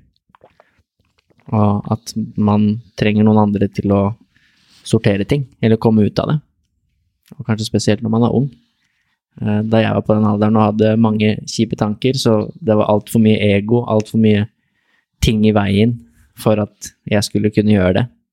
Som man kan gjøre kanskje når man blir mer voksen, mer reflektert og tenker at nå, nå burde jeg finne ut av det her, liksom, og, og, og forstå det bedre, da. Men hvordan er det videre, da? Gikk du etter hvert og prata med noen om det, altså annet enn moren din, da? Jeg gjorde egentlig ikke det. Eller litt flere i familien, da. At jeg kunne snakke med pappa og Mm. den nye kjæresten der, og Eller ikke nye, men ja. Eh, Jeg klarte å åpne meg for et par flere, da. Og så ble det gradvis litt lettere. Og når jeg også ble frisk i bein og sånn, og kunne trene som normalt, så tror jeg ting løsna litt. Sakte, men sikkert. Trening Mm. og idrett har også vært litt sånn terapi. Mm. Veldig. Det er jo, tror jeg, mange som kan kjenne igjen. Mm. Og jeg tror etter det òg eh, Da Året etterpå så skulle jeg inn i militæret, eller var ferdig med videregående. Og da var det sånn ok, nå får jeg et år der jeg uansett ikke kan satse på sprint, da, så da må jeg trene noe annerledes, eller hadde lyst til å være litt mer klar for det. Og trene litt mer utholdenhet og litt mer generell trening for å bli sprek nok til å tåle å gå med sekk, og så videre. Og det ga, selv om jeg ikke kunne satse, eller helt ville satse på friidrett lenger da, så var det en annen type trening, og det var et mål med det. Så det tror jeg er noe av det viktigste jeg har hatt, det, eller jeg må alltid ha et Jeg vil ha et mål å jobbe mot, om det skulle være en bestemt tid på friidrettsbanen, eller om det skal være å være klar nok til å klare et krav i militæret, eller være god nok, da. Og det er du. Mer enn god nok. Men jeg skjønner jo at det er eh, Det syns jeg også er det som er fascinerende. Man, eh, man lærer å forstå litt hva som er grunnen til at du, eller den jeg prater med, driver med idrett, da. Liksom, hva, er, hva er grunnen til at du driver med det? Er det bare fordi det er gøy, eller er det noe annet? Og veldig ofte er det jo litt dypere ting bak, da. Sånn at det funker som terapi, eller at det er et fristed, eller at det er eh, sånn type ting, da. Det gjør at du klarer å ha rutiner i hverdagen. Det gjør at du klarer å stå opp med liksom et mål og, for dagen, da. Eh, det er veldig mye fine ting med idrett. Jeg, jeg skjønner jo nå at det betyr mye for deg. Annet enn å bare vinne konkurranser og sånn. At det er litt mer enn det, Mm. virker det som, da. Eh, eh, det med tretthetsbrudd og sånn, eh, det er jo litt interessant å prate om det også. Det er jo ikke like dypt og vanskelig å prate om. Men jeg husker Inge Kristin Holte var jo med i poden min, og har ganske lignende historie. Hun drev også med friidrett, og hun økte også treningsmengden sin fra én gang om dagen til to om dagen, veldig plutselig, og dobbelt så mye. Og hun fikk også tretthetsbrudd, som hun slet med i mange år. Og sa jo også at hun gikk gjennom en sånn litt identitetskrise og syntes egentlig at livet var ganske urettferdig og kjipt, da. Når hun ikke fikk gjort det hun ville på veldig mange år. Hvordan tror du det har påvirka deg, sånn, eller hvordan Når du tenker tilbake på det med at du økte treningsmengden så raskt og sånne type ting, er det noe du ser tilbake på kanskje at burde gjort det litt annerledes, eller hvordan var det? Når du gikk fra typ ungdomsskole da, til videregående? Det var jo veldig hardt for kroppen generelt å gå fra å trene en gang om dagen til to ganger om dagen. Men gjort annerledes, det er jo altså inne Vi trente inne i gymhallen, og da er det hardt underlag. Og så trente vi kanskje trappeløp og litt spenst og styrke på morgenen, og på ettermiddagen så hadde vi 60-metere og løp på det harde underlaget da òg. Um, så det er jo Jeg tenker jo at det var fordi jeg begynte på idrett, og fordi jeg plutselig begynte å hoppe mye mer og løpe mer på hardt underlag, at det kom. Så hva man skal gjøre annerledes der, det er jo litt vanskelig å vite før det har skjedd. Mm. Men eh, ja, det er jo gradvis tilpasse mye bedre, da. Altså begynne med færre hopp av ganger, eller at eh, idrettslærerne eller treneren er mye mer obs på det enn det de har vært. Og det var jo kanskje det jeg ville litt eh, inn på, da. At Mm. det er jo, dette er jo en større greie, fordi det er jo åpenbart ikke din feil når du er 14-15 år. Du vet ikke, du gjør det du får beskjed om. Men jeg husker Kristin også fortalte det, at hun ble pusha, eller ikke pusha, men hun fikk beskjed om at det var greit å trene. Og Mm. fikk jo egentlig ganske mye smertestillende også, og at det liksom det Mm. var helt greit. Og så var det jo ikke det. Nei. Så gikk det jo så langt at det ble alvorlige tretthetsbrudd og sånn, og da Jeg lurer litt sånn på også hvordan ting er da, i skolen og i systemet og sånn, for man ser det i mange idretter. Mm. At det skjer. At folk går i stykker, rett og slett. Og for meg som er fysisk trener og lever av det yrket, så er det liksom å jobbe med mange unge mennesker. Så det er en evig utfordring. Mm. Det er litt det samme som har skjedd med min, en av mine lillesøstre nå, da. Hun har begynt på idrett, og da var jeg veldig obs på det, og prøver å formidle til henne at det, det kommer til å bli mye mer trening enn det du er vant til. Så kanskje i sommeren pass på at du gjør kroppen litt klar, da, eller at ikke du bare tar mye mer fri, sånn at du begynner på skolen, og så skal du plutselig trene to ganger om dagen, da. Eh, Men hun fikk en litt mer sånn akutt skade i kneet, men det kan jo òg være fordi at ikke hun var sterk nok eller hadde trent bra nok rundt det. Men ja, det er vanskelig å se, da. Det er vanskelig å si. Jeg syns alltid det er interessant å prate om og høre om hvilke opplevelser man har hatt da, når man har gjort det, liksom. Man har gått fra én gang om dagen til to ganger om dagen, eller vært på en idrettslinje osv. Og, så Mm. og det er mange som er veldig flinke. Og så er det jo det er jo vanskelig for lærere å se alle. Hvis du har ansvaret for 60 elever, da, så er det veldig vanskelig. Det er vanskelig nok kanskje å ha ansvaret for én crossfit-utøver på Mhm. høyt nivå, og prøve å holde styr på belastning og sånne ting. Så det er, jo, det er ikke noe fasit, og jeg har ikke den, men jeg syns det er interessant å prate om det. Fordi det hadde jo vært fint om færre gikk i stykker når de var 15-16 år. Ja. Eh, Det, det er Du hørte jo litt med din historie, og ting som kan skje da hvis man faller ut av idretten. Nå falt du ut av en skade, men eh, andre kan jo falle ut fordi at de kanskje ikke er gode nok til å være med, eller får beskjed om at liksom du kan ikke du kan ikke satse på det her, eller du må finne noe annet, eller du får ikke være med på laget, eller hva det måtte være, da. Og da kan det jo ha litt eh, konsekvenser. Sånn som det hadde for deg, selv om det var, det var en skade, da. Men det å falle ut av idretten generelt, da, hvis idretten er viktig, Mm. så det å beholde folk, det tror jeg, det tror jeg er viktig å jobbe med, da. Jeg vil høre litt mer om det at du har syv søsken. Ja. Det er mange. Fordi det er et punkt uh, på det du sendte til meg. Mm. Uh, syv søsken og skilsmisser, står det der. Det syns jeg er interessant å prate om. Ja. For meg så er det ganske naturlig, da. Eller sånn, når jeg er vant til å ha mye folk rundt meg. Mm. Men ja, jeg ble jo født Jeg er eldst. Jeg ble født som enebarn eh, med mamma og pappa, og det ble slutt mellom de Eller de var aldri gift, da, men når jeg var to-tre år, så gikk de fra hverandre. Og så fant begge to seg etter et par år ny kjæreste, og gifta seg begge to etter hvert. Og så har hver av de, da, eller mamma og pappa, har fått eh, Mamma har fått tre til, og pappa har fått fire. Så det er jo på en måte på hver sin side, da. Eh, men så har jeg Da har jeg fra begynnelsen av bodd én eller to uker hos hver, og så bytta på hvem jeg er hos, da.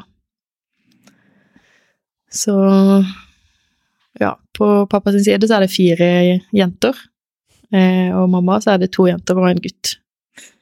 Så det, ja, det er godt å ha én gutt som søsken. òg. Dere er mange jenter. Ja. Så du har ingen helsøsken, da? Bare Ja. halvsøsken?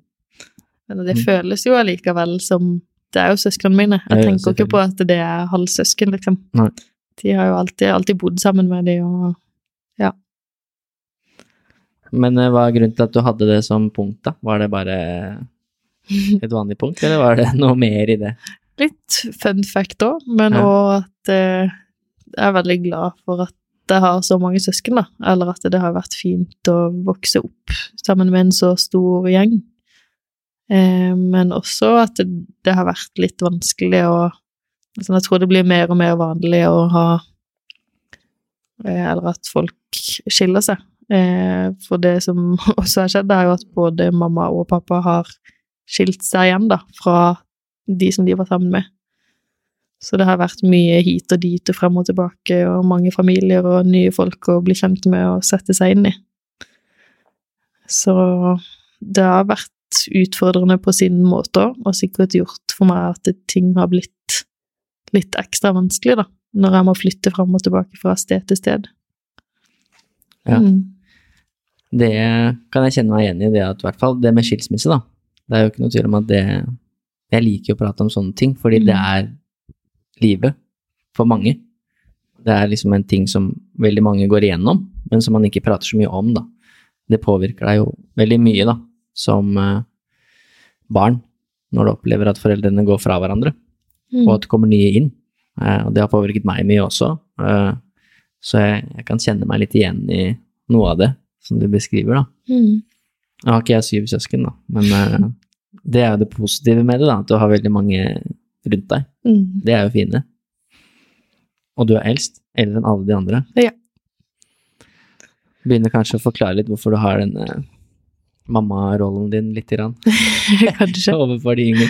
Ja. Det er en vanlig Det er ganske vanlig for deg å ha den rollen. Mm. For det var tydelig for meg når vi var på den Team Actic-turen. Eh, og dette med som du sier, at eh, du trenger å ha et mål, og du trenger å ha noe å jobbe mot, og idretten er veldig viktig for deg, og, og så videre. Det er sånn mitt inntrykk er av deg, da.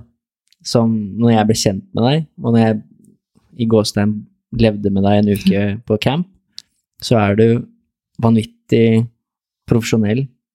Eh, som alltid forberedt har alltid med deg det du trenger av mat og drikke og utstyr, varmer opp godt, eh, har full kontroll på treningsplanen din, hva du skal gjennom, eh, videre, da. I tillegg til kontroll på alle de andre barna som var med på tur der. Eh, og det ligger sikkert noe i det, av de tingene du har prata om nå, da, jeg vet ikke. Jeg tror man lærer mye av det, av å være eldst i en søskenflokk, da, og måtte tilpasse seg, og det er på en måte ikke Du kan ikke bare tenke på deg selv. Det er alle sammen som skal av gårde. Alle skal rekke det. Alle skal ha mat. Alle må få litt av sine ønsker. Og jeg har kanskje også vært litt den som tilpasser, seg, tilpasser meg mest, da.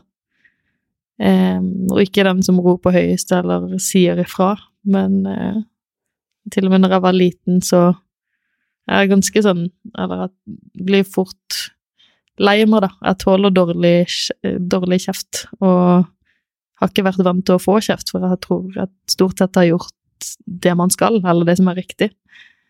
Eh, mens noen av de andre søsknene mine er jo annerledes. Jeg har blitt kjefta opp av lillesøster når jeg har vært eh, Når jeg var liksom åtte år og hun var fire, så kjefta hun meg opp, og jeg begynte å grine.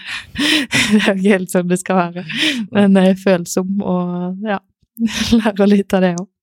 Jeg lover å være følsom. Ja. Eh, Det er også et inntrykk jeg har av deg, da. Og det, det er bare Det gjør ingenting. Det er bare fint, det. Det er ikke sikkert uh, det hadde vært uh, konge for deg å, å være i Romania. og jobbe med sånne type ledere som er der. Det var bare noe som slo meg nå. Fordi det er ofte det man ser at uh, Mange fra Norge er jo vant til det, sånn som du, med deg, da. Man, ikke, man får ikke kjeft. Man får kanskje beskjed om at ikke man skal gjøre sånn, men du blir ikke kjefta på av verken trener eller sånn. Noen har sikkert opplevd det òg, da. Mm. Men det er mye mer vanlig da i Øst-Europa og andre deler. Ikke nødvendigvis at de er noe slemme, eller, men det er bare vanlig å gi kjeft. Jeg hadde takla dårlig. Det er sikkert grått hver dag på trening. Det er det mange som gjør. Uff. Det var bare noe som slo meg. Mm. Men jeg syns det var eh, veldig fint at du hadde lyst til å dele litt om spesielt de psykiske utfordringene som du hadde, da. Det var jo mer enn bare litt. Eh, og jeg ser jo at det preger deg også litt når du prater om det, det er jo ikke så rart, det. Men eh, for ikke dykke for mye inn i det, da, hva, hva kan du si til andre som kanskje opplever noe lignende? Altså hva Du sa du kanskje skulle gått og prata med noen og takka ja til det, for eksempel. Eh, så åpna du opp for familie og sånn, og det er jo fint, men har du noen tanker eller tips eller noe sånn Hvis det er noen som sitter med sånne tanker, da, Det vil jo være litt det samme som jeg sa, da. Egentlig bare tørre å, tørre å snakke om det. Og vite at det er flere som sliter med det samme, og de nærmeste rundt deg, de, de er der for å hjelpe. Mm, og akkurat de følelsene og tankene man har der og da, det er, ikke, det er ikke sånn det trenger å være for alltid, men prøve å tenke at ok, det jeg tenker nå, det går videre. Han Jeg husker ikke helt hvem som sa det, men jeg tror når man blir litt eldre og plukker opp litt sånne sitater eller ord og uttrykk, så, så tenker man gjennom de, da. Eh, og så er det et uttrykk jeg har tenkt litt på i det siste, at eh, hvis, når det kommer dårlige tanker, kan du se på de som et tog som skal passere, og så bare la de tankene gå videre, da. Ok, de kjipe tankene er der, men nå skal jeg sende de videre. Det er kanskje litt mer sånn overfladisk, da. At når, når, tankene sitter så dypt og det er så vanskelig, så er det ikke så lett å bare la de passere. Men at du ja, kan la de tankene passere med å fortelle det til noen, og så ja, snu det litt. Ja, det er nok lurt, som du sier, å fortelle det til noen. Det tror jeg er eh, veldig smart. Å få hjelp til å plassere det.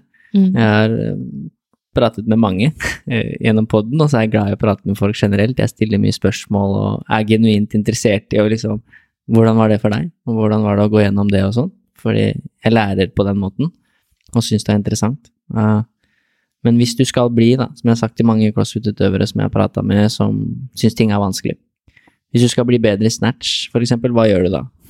Du går og oppsøker en som er god på det. Mm. Og det kan være kanskje bare ett cue eller ett tips som gjør at du blir veldig mye bedre, da. Om det er startposisjonen din, eller at du trekker for tidlig, eller hva det enn måtte være. Og så kan det løse ganske mye. Eh, Og med psykiske, mentale ting så er det litt det samme. Det kan føles helt håpløst, Mm. men en som er veldig dyktig på det, til å plassere sånne ting, kan kanskje komme bare med ett verktøy, påpeke én ting, gi ett tips, som løser veldig mye, da. For det, det er jobben deres, det er det de liksom er gode på. Så må man kanskje bruke litt tid på å finne rett person og sånn. Det er ikke alle trenere du matcher med, og det er ikke alle psykologer du matcher med og sånn, men ofte så kan det være bare småting. Akkurat på samme måte som du hele tiden prøver å bli noen prosenter bedre i crossfit, om det er svømming eller klatre i tau eller hva det måtte være da, for å plukke noen prosenter. Hvis man bruker bare 10% av den samme tankegangen inn mot det psykiske, så tror jeg du kommer ganske langt, da. Bare opp, tørre å oppsøke det. Spørre om noen råd. Om det er tog som passerer, eller hva det måtte være. Det gir veldig mening. Ja. Det er det som jeg har gått veldig mye til behandling selv, og pratet med psykiater, er det som, er, som jeg syns har funka best. Som har gitt best råd. Best cues, hvis du kan si det sånn. Eh, hvor det mange ganger får sånne aha- aha-opplevelser, da. Og det som du sier, med tanker Det er som et tog, Mm. eller en sky som kommer inn på en blå himmel. Du kan ikke kontrollere at de kommer. Det er veldig vanskelig. Men du kan kontrollere hva du gjør med dem Mm. når de dukker opp. Om du lar de passere, da. Eller om du graver deg ned i dem. Mm. Så det er, det er et godt tips du kommer med der. Har du prata med noen i senere tid, da? Nå når du er voksen, liksom? Du konkurrerer jo fortsatt på veldig høyt nivå. Snakka med psykolog eller lignende. Eller mentaltrener, eller hva man kaller det. Altså, ikke nødvendigvis om det her, men kanskje om prestasjon, eller Det er jo tøft for de aller fleste å prestere på høyt nivå. De aller fleste har godt av å prate om noe med det. Kristin, for eksempel, igjen, da, fortalte jo at hun hadde brukt mentaltrener hele karrieren sin. Mm. Veldig aktivt. Og Chris har brukt det, husker jeg, og det er mange som har vært gjennom det. Det var de jeg kom på nå, siden det er CrossFit som ligger, er nærliggende nå. da. Det er ikke noe jeg har gjort enda, men det er noe jeg har tenkt at det skal jeg begynne med, eller nå skal jeg oppsøke det, eller finne ut av det. Men så har jeg aldri bare kommet helt i gang, da. Eh, jeg vet ikke helt hvorfor, men det er jo sikkert fordi det er noe nytt og litt annerledes, eller man tenker at jeg har ikke noe problemer med Det er liksom ikke sånn at jeg blir veldig nervøs på banen, eller at jeg tenker at jeg har et problem jeg må fikse. Men så er det likevel veldig mange situasjoner der jeg skulle likt å hatt litt mer verktøy å jobbe med, da, eller for å få ut det lille ekstra. Så det er Når vi snakker om det nå, så blir det sånn ja, hvorfor gjør jeg ikke bare det? og ja. Jeg tror det er lurt, fordi dere crossfittere er ekstremt gode på å plukke prosenter på alt fra å ha forskjellige typer trenere, sånn som i dag du sa dere skulle svømme, men svømmetreneren var ikke der, så da droppa dere. Eh, man både ansetter og spør om råd til alle mulige typer trenere for å bli litt bedre på forskjellige øvelser, om det er å gå på hendene eller svømme eller snatche eller løpe, da. Mm. Men det er ikke alle som er så gode på å gjøre det med sitt eget hode.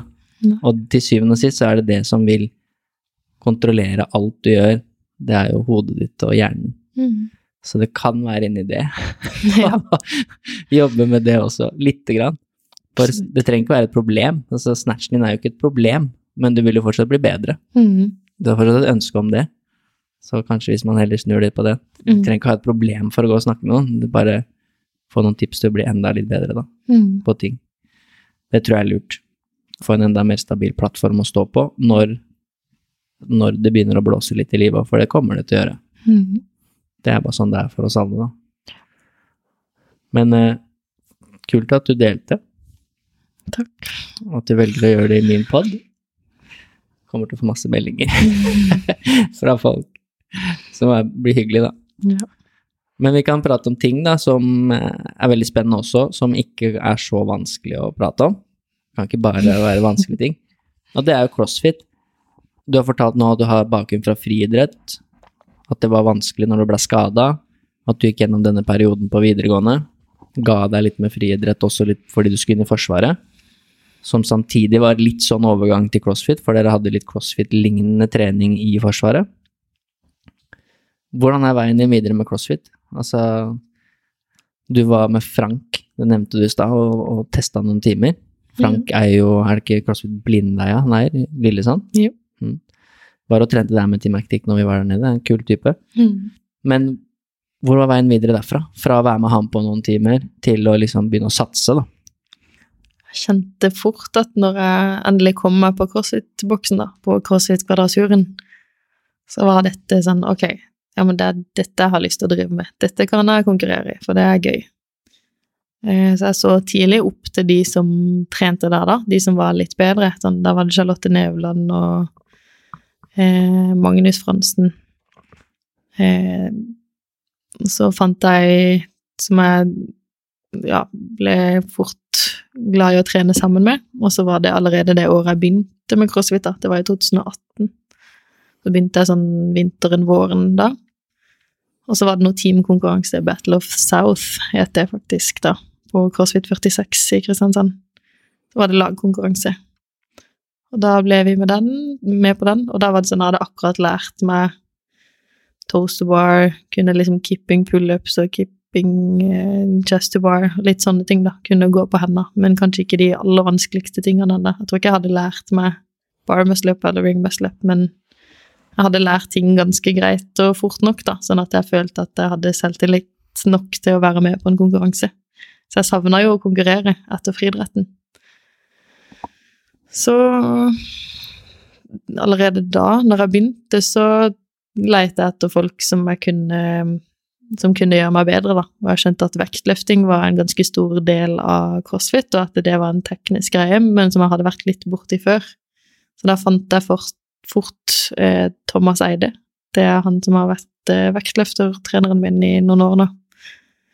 Og da hadde jeg Jeg tror jeg begynte faktisk med Altså, jeg tror jeg hadde knebøy fire eller fem ganger i uka, og vektløfting to, tre, fire ganger i uka, det òg. Men så gjorde jeg alltid alltid noe vektløfting, og så alltid dagens wood. Det var liksom sånn det begynte, da. Da fikk jeg jo litt av alt. Masse teknikk på vektløfting og bøy og wood. Ja, begynte fort å trene to ganger om dagen og syntes dette var kjempegøy. Det er jo litt annerledes å, å trene crossfit to ganger om dagen enn sprint. Mm. I og med at det er ikke så mange av de samme tingene hele tida, da. Du kan jo variere som du vil sjøl. Mm. Så det er kanskje litt enklere å trene mye, Ja. siden det er så mange ting du kan trene på. Alt fra svømming til vektløfting, som du gjør nå, da. Mm. Men det var kanskje det som begynte å legge litt grunnlaget for at du har blitt så sterk og god i vektløfting, da. At du trente så spesifikt på det over en periode. Mm. Veldig glad for at jeg begynte sånn, da, og fikk raskt gjort noe med teknikken så tidlig, før man på en måte lærer mye feil. Ehm, og at kroppen min tålte det, eller tålte så mye knebøy. Men jeg hadde jo trent mye med beina før, så sterke knær, og det de funka. Så det bygde et greit grunnlag der. Så jeg, jeg skjønner jo at liksom interessen din for crossfit eh, kom, og at du var veldig glad i å trene. Det har du jo fortalt nå, at det var liksom viktig for deg å trene og gjøre ting hele tiden og sette deg mål, da. Det er jo enkelt med crossfit. Mm. Du kan sette deg mange mål på en gang også, og mm. jobbe mot alle sammen litt sånn her og der. Men når er det du bestemte deg for at du liksom virkelig skulle satse, da? Husker du det at liksom det her, det, det har jeg lyst til å bli skikkelig god i? For det er jo en del store konkurranser du har vært med på sånn etter hvert, da. Ja, jeg tror Det kom jo ganske tidlig at jeg tenkte at dette har jeg lyst til å konkurrere i. Eh, men når jeg ble veldig nysgjerrig på, jeg tror i 2018, når jeg så eksempel at Charlotte Nevland gjorde NM-kvalik, det var litt sånn Oi, hva er dette? Eller dette vil jeg også være med på. Så visste jeg jo ikke helt hva det var, eller hva som skulle til for å komme dit, men da gjorde jeg NM-kvaliken i 2019. Altså det var jo ett år etter jeg hadde begynt, og så var jeg med på NM da i Functional Fitness i 2019. Våren eller sommeren, da. Og så gikk, da gikk jeg liksom inn i den konkurransen og hadde ikke så høye forventninger, for jeg visste ikke hvem folk var, eller hvor god jeg var i forhold til de, og prøvde å bare ha det gøy, og syntes jo at dette var veldig gøy. Men etter den konkurransen da, jeg tror jeg kom på 13. plass, ja, i det første NM-et mitt da, så skjønte jeg at ok, dette her har jeg lyst til å drive med. Jeg har lyst til å stå på den pallen der, og da tror jeg det var Var det Mathilde som vant? Mathilde Garnes, ja. Eh, og så begynte jeg å få interessen for CrossFit Games og skjønte at dette var veldig stort, og ja. Det var vel egentlig det. Ja, det er ikke så rart, det. Og det er, det er kult med hvor mye crossfit og functional fitness da har vokst de siste årene. Mm. Eh, Og hvor mange jeg prater med som har litt den samme historien som deg, at de liksom De begynte egentlig på det litt sånn tilfeldig i voksen alder, sånn som med Ingrid også, og så merker man raskt at ja, men jeg, jeg kan bli ganske god i det her, eh, fordi man har et bra grunnlag med seg, da, fra annen trening man har gjort. Vi har jo fortsatt ikke i Norge de Vi har noen da i Team Actic også som er 17-18 der, som var med nå i Future of Games, Anine og Marie og sånn, men vi har ikke så mange enda som på en måte har hatt crossfit som sin idrett, som har begynt med det når de var ti, da, og så er de helt sinnssyke når de er sånn 18-19, sånn som de, du ser i games nå, da. Mange av de, han som har vunnet to år på rad, han er vel fortsatt bare 2-23 år. Men når han vant når han var 21, så sa han liksom at men jeg har jo holdt på med dette hver dag i ti år. Ja. Det er ikke sånn at jeg akkurat har begynt. Mm -mm. Hver dag i ti år. Så jeg er litt spent på å se det i Norge, fordi nå er det noen skoler som har begynt å ha crossfit som, som valgevne, og det er flere som begynner på det når de er unge, da. Så jeg er litt spent på å se om fem-seks år hva som kommer opp av utøvere, da. Ja, det blir farlig, tror jeg. Da Ja. har vi ikke noen sjanse. Men det er jo dere de har sett opp til, da. Så det var det andre poenget mitt, at det er veldig viktig at vi har forbilder, folk som er gode. Og i fjor var det vel 20 utøvere fra Norge som var med i CrossFit Games, fordelt på team og individuell, da. Det er ganske mange. Ja. Eh, og da er det jo sånn som du har, du hadde forbilder, du hadde hun eh, Charlotte Nevland og Magnus og sånn. Så er det helt sikkert noen som er deg, da, som forbilder. Eller Ingrid eller Kristin eller Seher eller hvem det måtte være. Og det tror jeg er veldig viktig for at man rekrutterer folk, og at folk blir inspirert av at dere har også lyst til å bli sånn. Mm. Fordi det er ofte det man har i andre idretter, da. Fotball og håndball og friidrett og sånn. Så har man noen stjerner å se opp til. Man tenker ikke helt over det. Jeg husker på Jeg tror jeg skrev min første autograf på Future of Games. Da kom det ei jente kanskje mellom åtte og tolv år og spurte om jeg kunne skrive autografen på en T-skjorte. Og da blir man litt sånn, blir litt sånn stolt. Eller sånn Oi, ja, men hvorfor bryr du deg om meg? Mm. Det er bare fordi det er ydmyk. du tenker sånn. Men det er veldig viktig, det poenget du sier der. Fordi det er hele grunnlaget for idrett. Og for at folk, eh, eller barn, da, skal bli inspirert. Mm. Fordi det er ofte sånn det starter. Du ser noen andre som driver med det, som du ser opp til. Om det er foreldre, søsken, eller bare noen som er skikkelig gode i det. Eh, Så det er viktig at dere tar dere tid da, når det blir autografer. For det blir det forhåpentligvis mer av etter hvert, da. Jeg syns det var kult med det eventet der, som du sa, at det var mye barn der. Mm. Og barn som syns det er kult, og barn som vil ha bilde, og selfie, og autografer og sånn. Og Mm. da er vi på rett vei, tror jeg, da. Når det blir sånn. Eh, Så det er veldig kult. Og dere er gode forbilder, så jeg er ikke noe bekymra for det, sånn sett. Det er hyggelig. Men veien videre, da, fra CrossFit, du var med i semifinals i fjor, eller var det kart? Ja, jeg var med på semifinals i fjor Ja. og i forfjor. Vant du ikke et event der, da? Løfting? Um, nei, Det var helt i toppen, i hvert fall. jeg vant ikke, men jeg tror jeg lagde litt stemning, sånn at Ja, det det, ble litt kule videoer og sånn etterpå. Du gjorde det bra, i hvert fall, i det eventet, da. Ja, Løftinga. det var greit. Men når du er med i semifinals da, i CrossFit Games, sånn som vi sa i stad, så er det open, og så er det kvartfinale, så er det semi, og så er det da x antall utøvere, 40 eller noe, av hvert kjønn som går til games, da. Når du er i semifinals, så begynner du å bli ganske god. Takk. Ja, men det er man jo, eller da er du liksom i en ganske bra pott da, av utøvere. Så hvordan har det vært eh, både liksom veien dit og etterpå? Har du blitt enda mer inspirert? Har du tenkt at jeg skal ha den plassen? Vi skal jo snakke litt om team etterpå, da, som Mm. du skal satse på nå. Det, det første året jeg kvalifiserte meg til semifinals, var 2021. Ja. Og da Det var ganske stort. Sånn, jeg hadde tenkt at kanskje det kunne gå, eh, men jeg gjorde quarterfinals-øktene de gjorde eh, på CrossFit-kvadraturen alene, og det var litt sånn under covid, så da fikk jeg ha med Fikk ha med liksom en dommer og kjæresten min en heiagjeng på liksom to stykk, da, sånn at jeg gjorde det der alene. Så husker jeg Da kvalifiserte jeg meg til semifinals, da, og da tror jeg ikke helt vi visste om det skulle være live eller faktisk på et sted, eller sånn at alle utøverne samles og skulle gjøre det samtidig. Men da ble det til at det ble eh, online. Og da ble jeg invitert eller spurt av eh, Kristin Holte til å gjøre det i Oslo sammen med henne.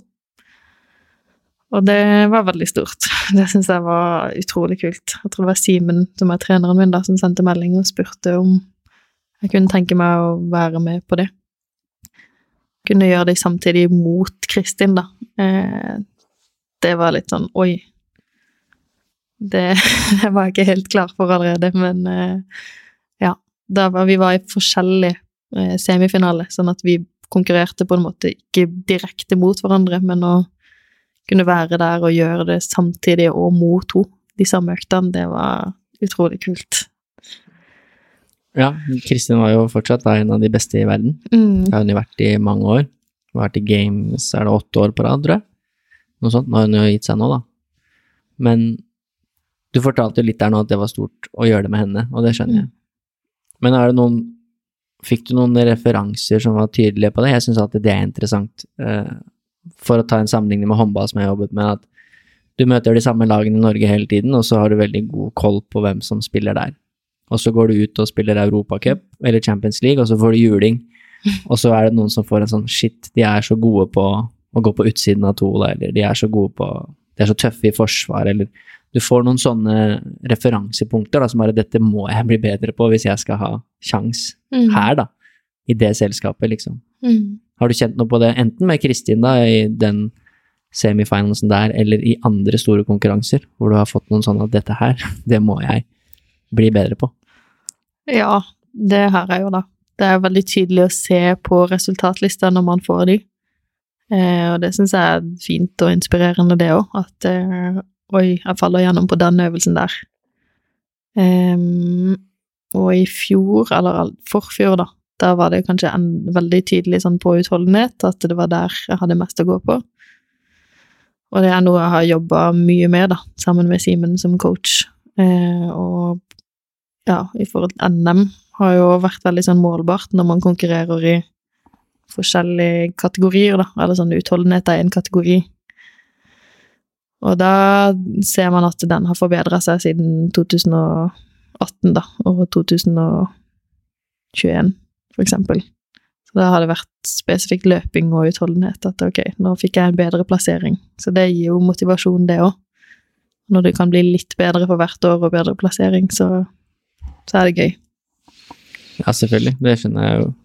Man vil jo se progresjon. Det er mye av det som gir motivasjon også. Mm. Når man ser at man blir bedre. Eh, og Jeg syns det er bra at det har kommet ganske mange konkurranser nå de siste årene som man kan melde seg på. Og det er, det er mange i Norge, og så er det flere i utlandet, og så har man selvfølgelig NM og Open og alle disse tingene. Fordi, det er i hvert fall min mening, da, mange har godt av å stå i konkurransesetting litt mer når det er mulig, da. For å lære seg å håndtere alt det. For det er noe helt annet å være god der enn å være god på trening. Mm. For det er ganske enkelt, mye enklere å være god på trening for mange, da, enn i konkurranse. Så da får man jo disse erfaringene og referansene som man kan ta med seg, som du sier, da, eller inspirasjon til å bli bedre, da. Mm. Hva tenkte du i fjor etter semifinals, da? Det er det nærmeste, liksom. Nå skal du jo team, da, men uh, hadde du noen umiddelbare tanker etter det at mm, for å komme enda nærmere games, så må jeg bli bedre på det her? Ja. Da jeg fikk Jeg tror i 2021 så fikk jeg vel 21. eller 20. plass i semifinalen.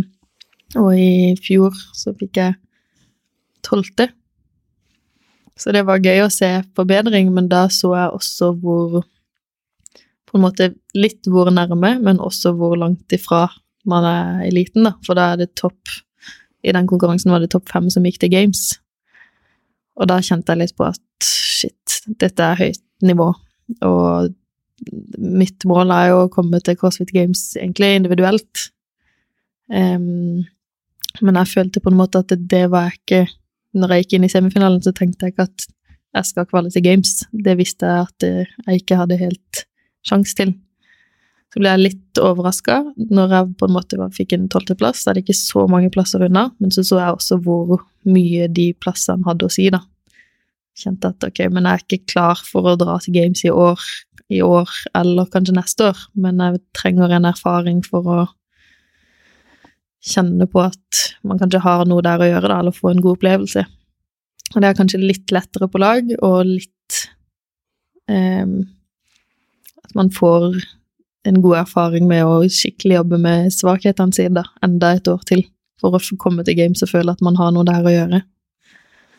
Ja, det, eh, det syns jeg er interessant, da, det du Mhm. kom inn på der. Eh, Jeg husker Kristin fortalte det at første gang hun kvala til Games, så var hun selvfølgelig veldig glad. Men så var det vel noen, om jeg husker riktig, som ikke beskyldte henne, men som mente at hun hadde hatt litt flaks, da. Mm. Fordi at det var en annen som hadde vært syk eller gjort det dårlig, eller noe, så hadde hun på en måte fått plassen hennes, da. Eh, at hun ikke fortjente egentlig å være der, da. Og hun fortalte i denne episoden at hun kjente veldig på det. At eh, jeg må klare det neste år òg, Ja. for å bevise for meg selv og andre at jeg har noe der å gjøre. Mm. Eh, og da trenger man jo ofte de opplevelsene om at sånn som du fikk der, da, tolvte, faen shit, jeg er jo, jeg er jo ganske nærme egentlig. Mm. Samtidig som du ser at dette må bli bedre hvis jeg skal klatre de siste plassene, da. Mm. Eh, Og jeg tror også det er veldig Jeg syns det er veldig kult at det er så mange gode i Norge nå. Veldig inspirerende. Og dere er liksom mange av de beste i verden ved siden av dere på trening hver dag. Det må vel hjelpe litt også, Ja. til å pushe og Som kanskje er litt tøft noen ganger òg. Ane snakka jo litt om at hun syntes det var litt tøft òg. Hvis man er skada, eller hvis man er litt syk, eller hvis man ikke er helt der oppe, så ser man at man har de beste rundt seg hele tida, da. Mm. Som er positivt, men kan òg være litt utfordrende. Hvis du er en av de som er liksom litt bak. Og går på trening og liksom ja, føler at faen, jeg er jo ikke Jeg er ikke i nærheten enda, liksom. Mm. Har du rekt å kjenne noe på det etter du flytta til Oslo, eller eh, Nå har det vært litt team, da, som vi skal prate om nå hvert øyeblikk, men Mm.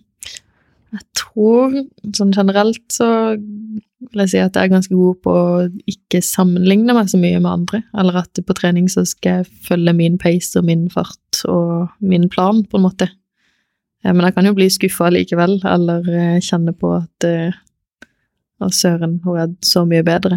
Eh, men jeg føler mer at det gir en skikkelig motivasjon, da, til at jeg kan komme på trening hver dag, og så det er alltid noen der som er litt bedre, eller du ser at de gjør det og det, eller de små tingene, da, da skal i hvert fall du gjøre det samme, eller bedre. Ja, virker som det er et bra miljø der etter hvert nå, og Mm. med høyt nivå, da. Og det er kult at vi har fått det i Norge. Men du var jo nære, du var tolvteplass i fjor. Da er du syv plasser unna games. Eh, Mm. Og det er vel noen sånne reserveplasser på sjette og sjuende eller noe sånt, er det ikke det? Eller noe sånn Mm. last chance, da. Jo. Så si du er fem plasser unna da, å få en liten sjanse til. Mm. Det er ganske nære. Men allikevel, i år så har du valgt å gå på team, som vi har nevnt noen ganger nå Mm. Og prøve å komme til CrossFit Games sammen med tre andre, da. Henrik og Henrik. Ja. Og Ingrid. Inger. Ingrid. Ingrid. Og si litt om det teamet, og hva som er tanken med det. Du har vært litt inne på det nå, men eh, det er jo et skikkelig bra lag, det der. Ja, det syns jeg òg. Det var egentlig i høst så begynte jeg å tenke på om eh, jeg heller skulle gå team. For at jeg så at det var en større sjanse for å kvalifisere seg til Games da. Kanskje litt lettere, og at du gjør det sammen med noen. Og får en god opplevelse. Så da begynte jeg å tenke på ok, hvem, hvis jeg flytter til enten Danmark eller Oslo, hvem kunne jeg tenke meg å være sammen med? For det er ikke bare et lag av flinke folk man skal være sammen med, man skal jo trene sammen med dem nesten hver dag, eller å tilbringe mye tid på reise når man har lyst til å fungere sammen. Og det syns jeg er veldig viktig i et sånt lag, da. Jeg har kjent det når jeg har trent i en treningsgruppe eller fra friidretten, at det er like viktig hvordan de menneskene er, som å snakke med. Så det var litt sånn jeg tenkte på at jeg på en måte kunne velge de, eller prøve å være med på et team sånn som det. Um, og så var det litt sånn ja, Simen, coachen vår, skulle sette opp et forslag til hvem som skulle være på lag. Og vi fikk velge litt som jenter, da, så måtte vi velge hvem vi skulle være med. Og det var meg og Ingrid Tøndel som ble satt på samme. Og så tror jeg begge vi to hadde Hun hadde også lyst Hun skulle også flytte til Oslo. Eh, og så hadde begge lyst til å være på lag sammen. Og så hadde vi tenkt på de samme guttene, da. Og det var Henrik og Henrik.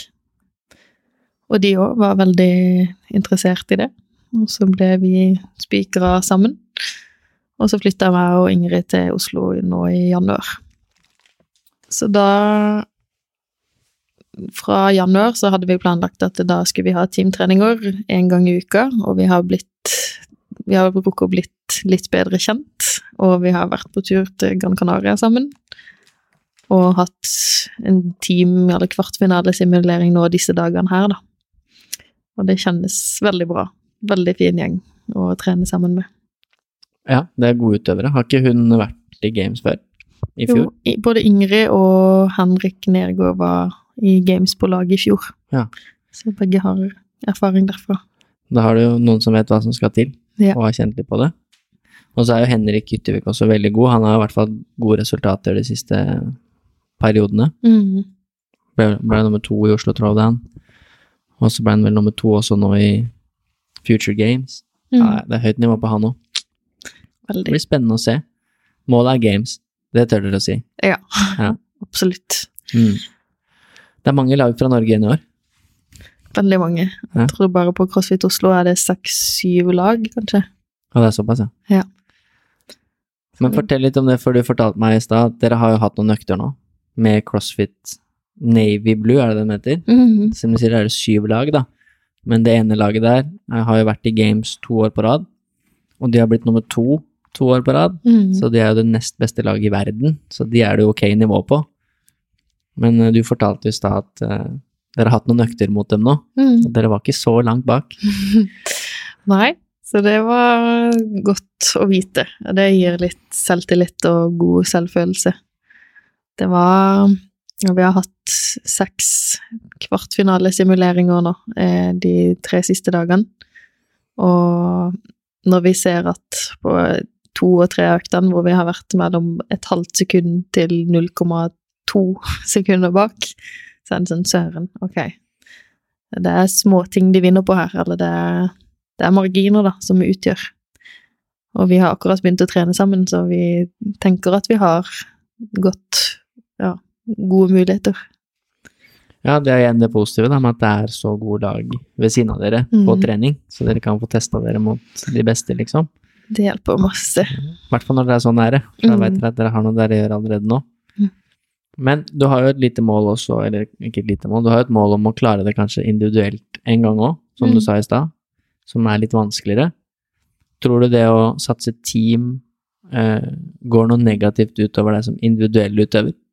Har du tenkt noe på det? Jeg har tenkt litt på det, ja. Men akkurat nå så kjennes det ut som dette er veldig riktig, og også veldig bra for det individuelle. For nå er det sånn Mine svakheter, de blir også svakheter for laget. Og da må jeg jobbe ekstra med de. Eh, sånn som markløft, ringmuscle-up og utholdenhet, da.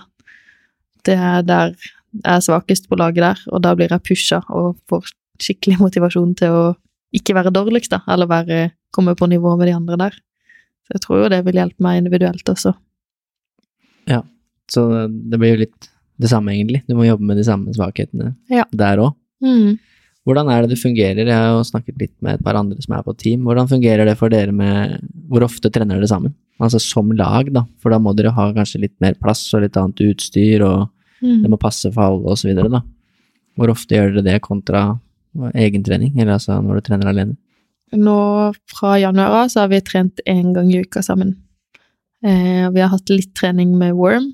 Eh, sånn, da er det jo fire stykk som skal løfte den her ormen fra bakken og over hodet, eller på forskjellige måter. Så det krever jo mye samarbeid og alt.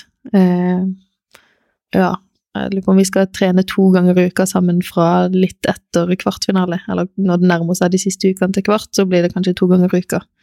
Og når det nærmer seg da semifinale, forhåpentligvis, så blir det to og tre ganger i uka for å få skikkelig synka på ting.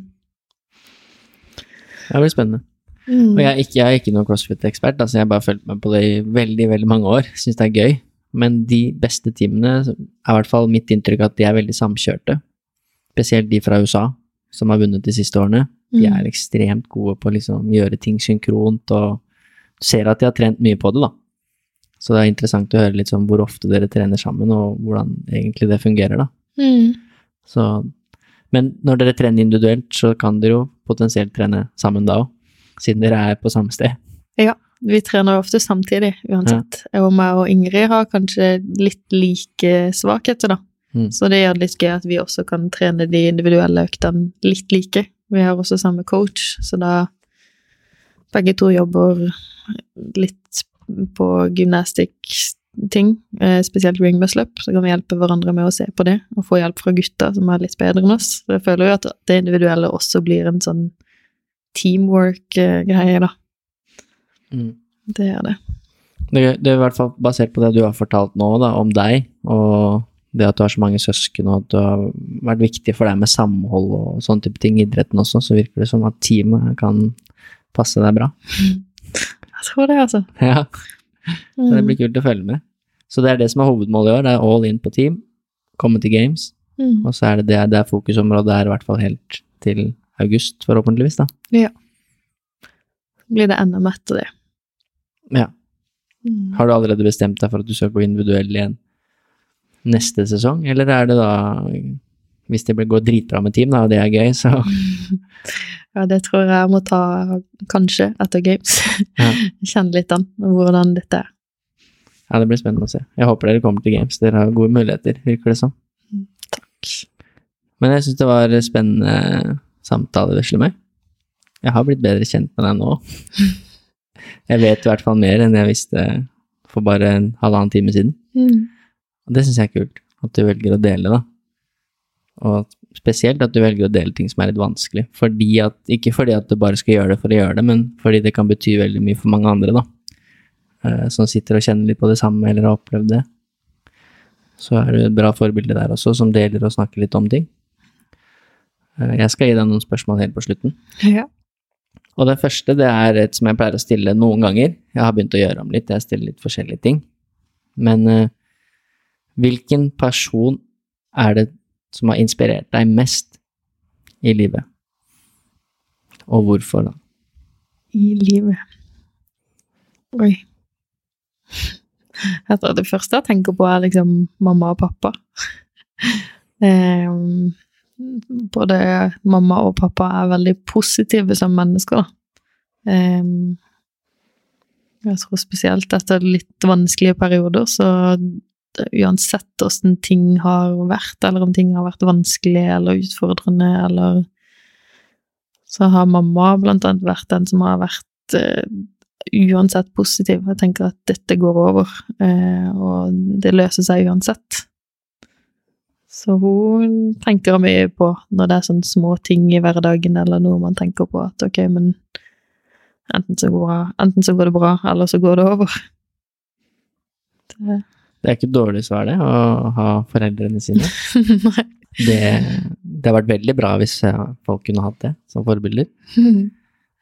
Et bra svar. Hvem er det som har gitt deg det, Eller hva er det beste rådet du har fått i ditt liv? Jeg vet ikke om jeg klarer å svare på det. Det beste rådet jeg har fått. Det er ikke så mange Det er ikke så ofte du får disse spørsmålene, kanskje. Men jeg tror kanskje det var det jeg egentlig sa litt i stad, da. Eller i Forsvaret. Så ser man jo mye enten så går det bra, eller så går det over. Mm. Kanskje det er et av de bedre jeg har fått, da. Og det er noe jeg tenker på Mm. daglig. Enten så går det bra, eller så går det over. Ja. Ja. Det er ikke dumt, det. Mm. Man kan sikkert lære mye bra i Forsvaret, kan jeg se for meg. Mm. Eh, De to siste er jo litt hva du Du har nevnt masse nå, og egentlig hele din historie og fortelling er jo tips og råd eh, til andre. Det er jo din opplevelse med ting. Alt fra vanskelige perioder til crossfit og friidrett og trening og sånn. Men eh, for å rette det litt mot crossfit, da, hva er dine beste tips til de som ønsker å bli gode i crossfit? Eh, Og det kan jo være de som er 17-18 nå, men eller også de som er enda yngre, da. Mm. Hva er det du tenker er viktig at de fokuserer på og bruker tida si på, for å bli best mulig rusta for crossfit? Da? Tror det er veldig mange som trener litt for hardt og litt for mye. Eh, det er sikkert noe jeg tenker på fordi at eh, jeg har litt erfaring med det selv. Å pushe gjennom skade eller tenke at ja, man tåler det. Eller man vet ikke bedre. Men noe som jeg har blitt bedre på nå, er å lytte mer til kroppen, da. Eller sånn, sånn som i crossfit, så mange tenker at man skal trene hardt hver dag. Og hvis du ser på en løper eller eh, langrennsløper, eh, eller noen av de beste i verden Jeg har også lest litt bøker av Marit Bjørgen og sånn og i det siste, og mesteparten av treninga deres er jo rolig og litt lengre. Og crossfit er jo en sånn idrett der man skal holde på litt over lengre tid på mange økter. Da du kan ikke trene hardt hver dag. Tror egentlig det er det, å lytte til kroppen og, og trene mer rolig enn hardt. Så holder du ut mye lengre. Mm. Kvalitet eh, framfor eh, Mm. mengde og kvantitet. Ja. Uh, unngå tretthetsbrudd og sånne ting, Ja, det er fornuftig. sånn som du gjorde. Mm. Ja, men det er et godt tips. Lytte til kroppen og Og så et tips til som jeg kom på. mm, eh, være nysgjerrig på hvorfor man gjør ting, da. Eh, når du skal lære en ny øvelse eller prøver å forstå hvordan et bevegelsesmønster ser ut, eller hvorfor du skal gjøre den intervallen, eller hvilken hensikt den intervallen har. Prøve å stille seg selv litt de spørsmålene, da. På hver økt, hva er det jeg skal fokusere på her? Hva er det jeg vil bli god på? Det er veldig bra.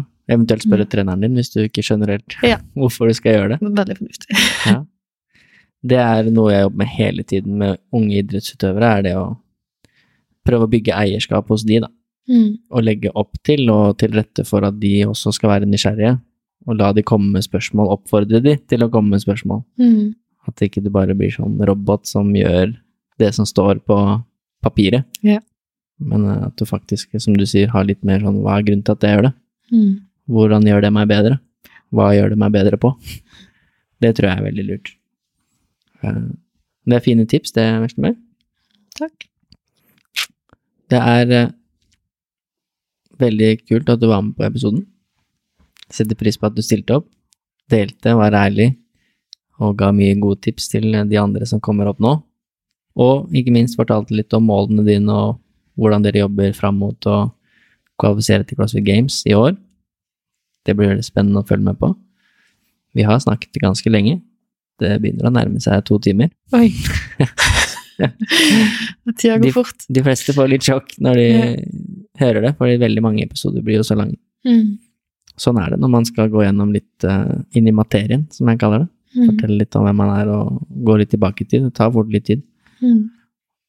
Men det er kult. Har du noe mer på hjertet, eller så, så er jeg ganske fornøyd, i hvert fall nå. Kan hende dukker opp noen spørsmål seinere, men da sender jeg deg bare en melding. Jeg tror det er fint. Det er fint. Mm. Da rakk jeg det akkurat, for nå begynner jeg å få sola i trynet. Deilig. Og jeg har ikke noe sånn rullegardin, så det er greit å kutte. Men tusen takk for at du var med, Veslemøy. Tusen takk for at du spurte. Tusen takk for at du har satt av tid til å lytte. Det setter jeg stor pris på, og jeg håper at du sitter igjen med noe verdifullt.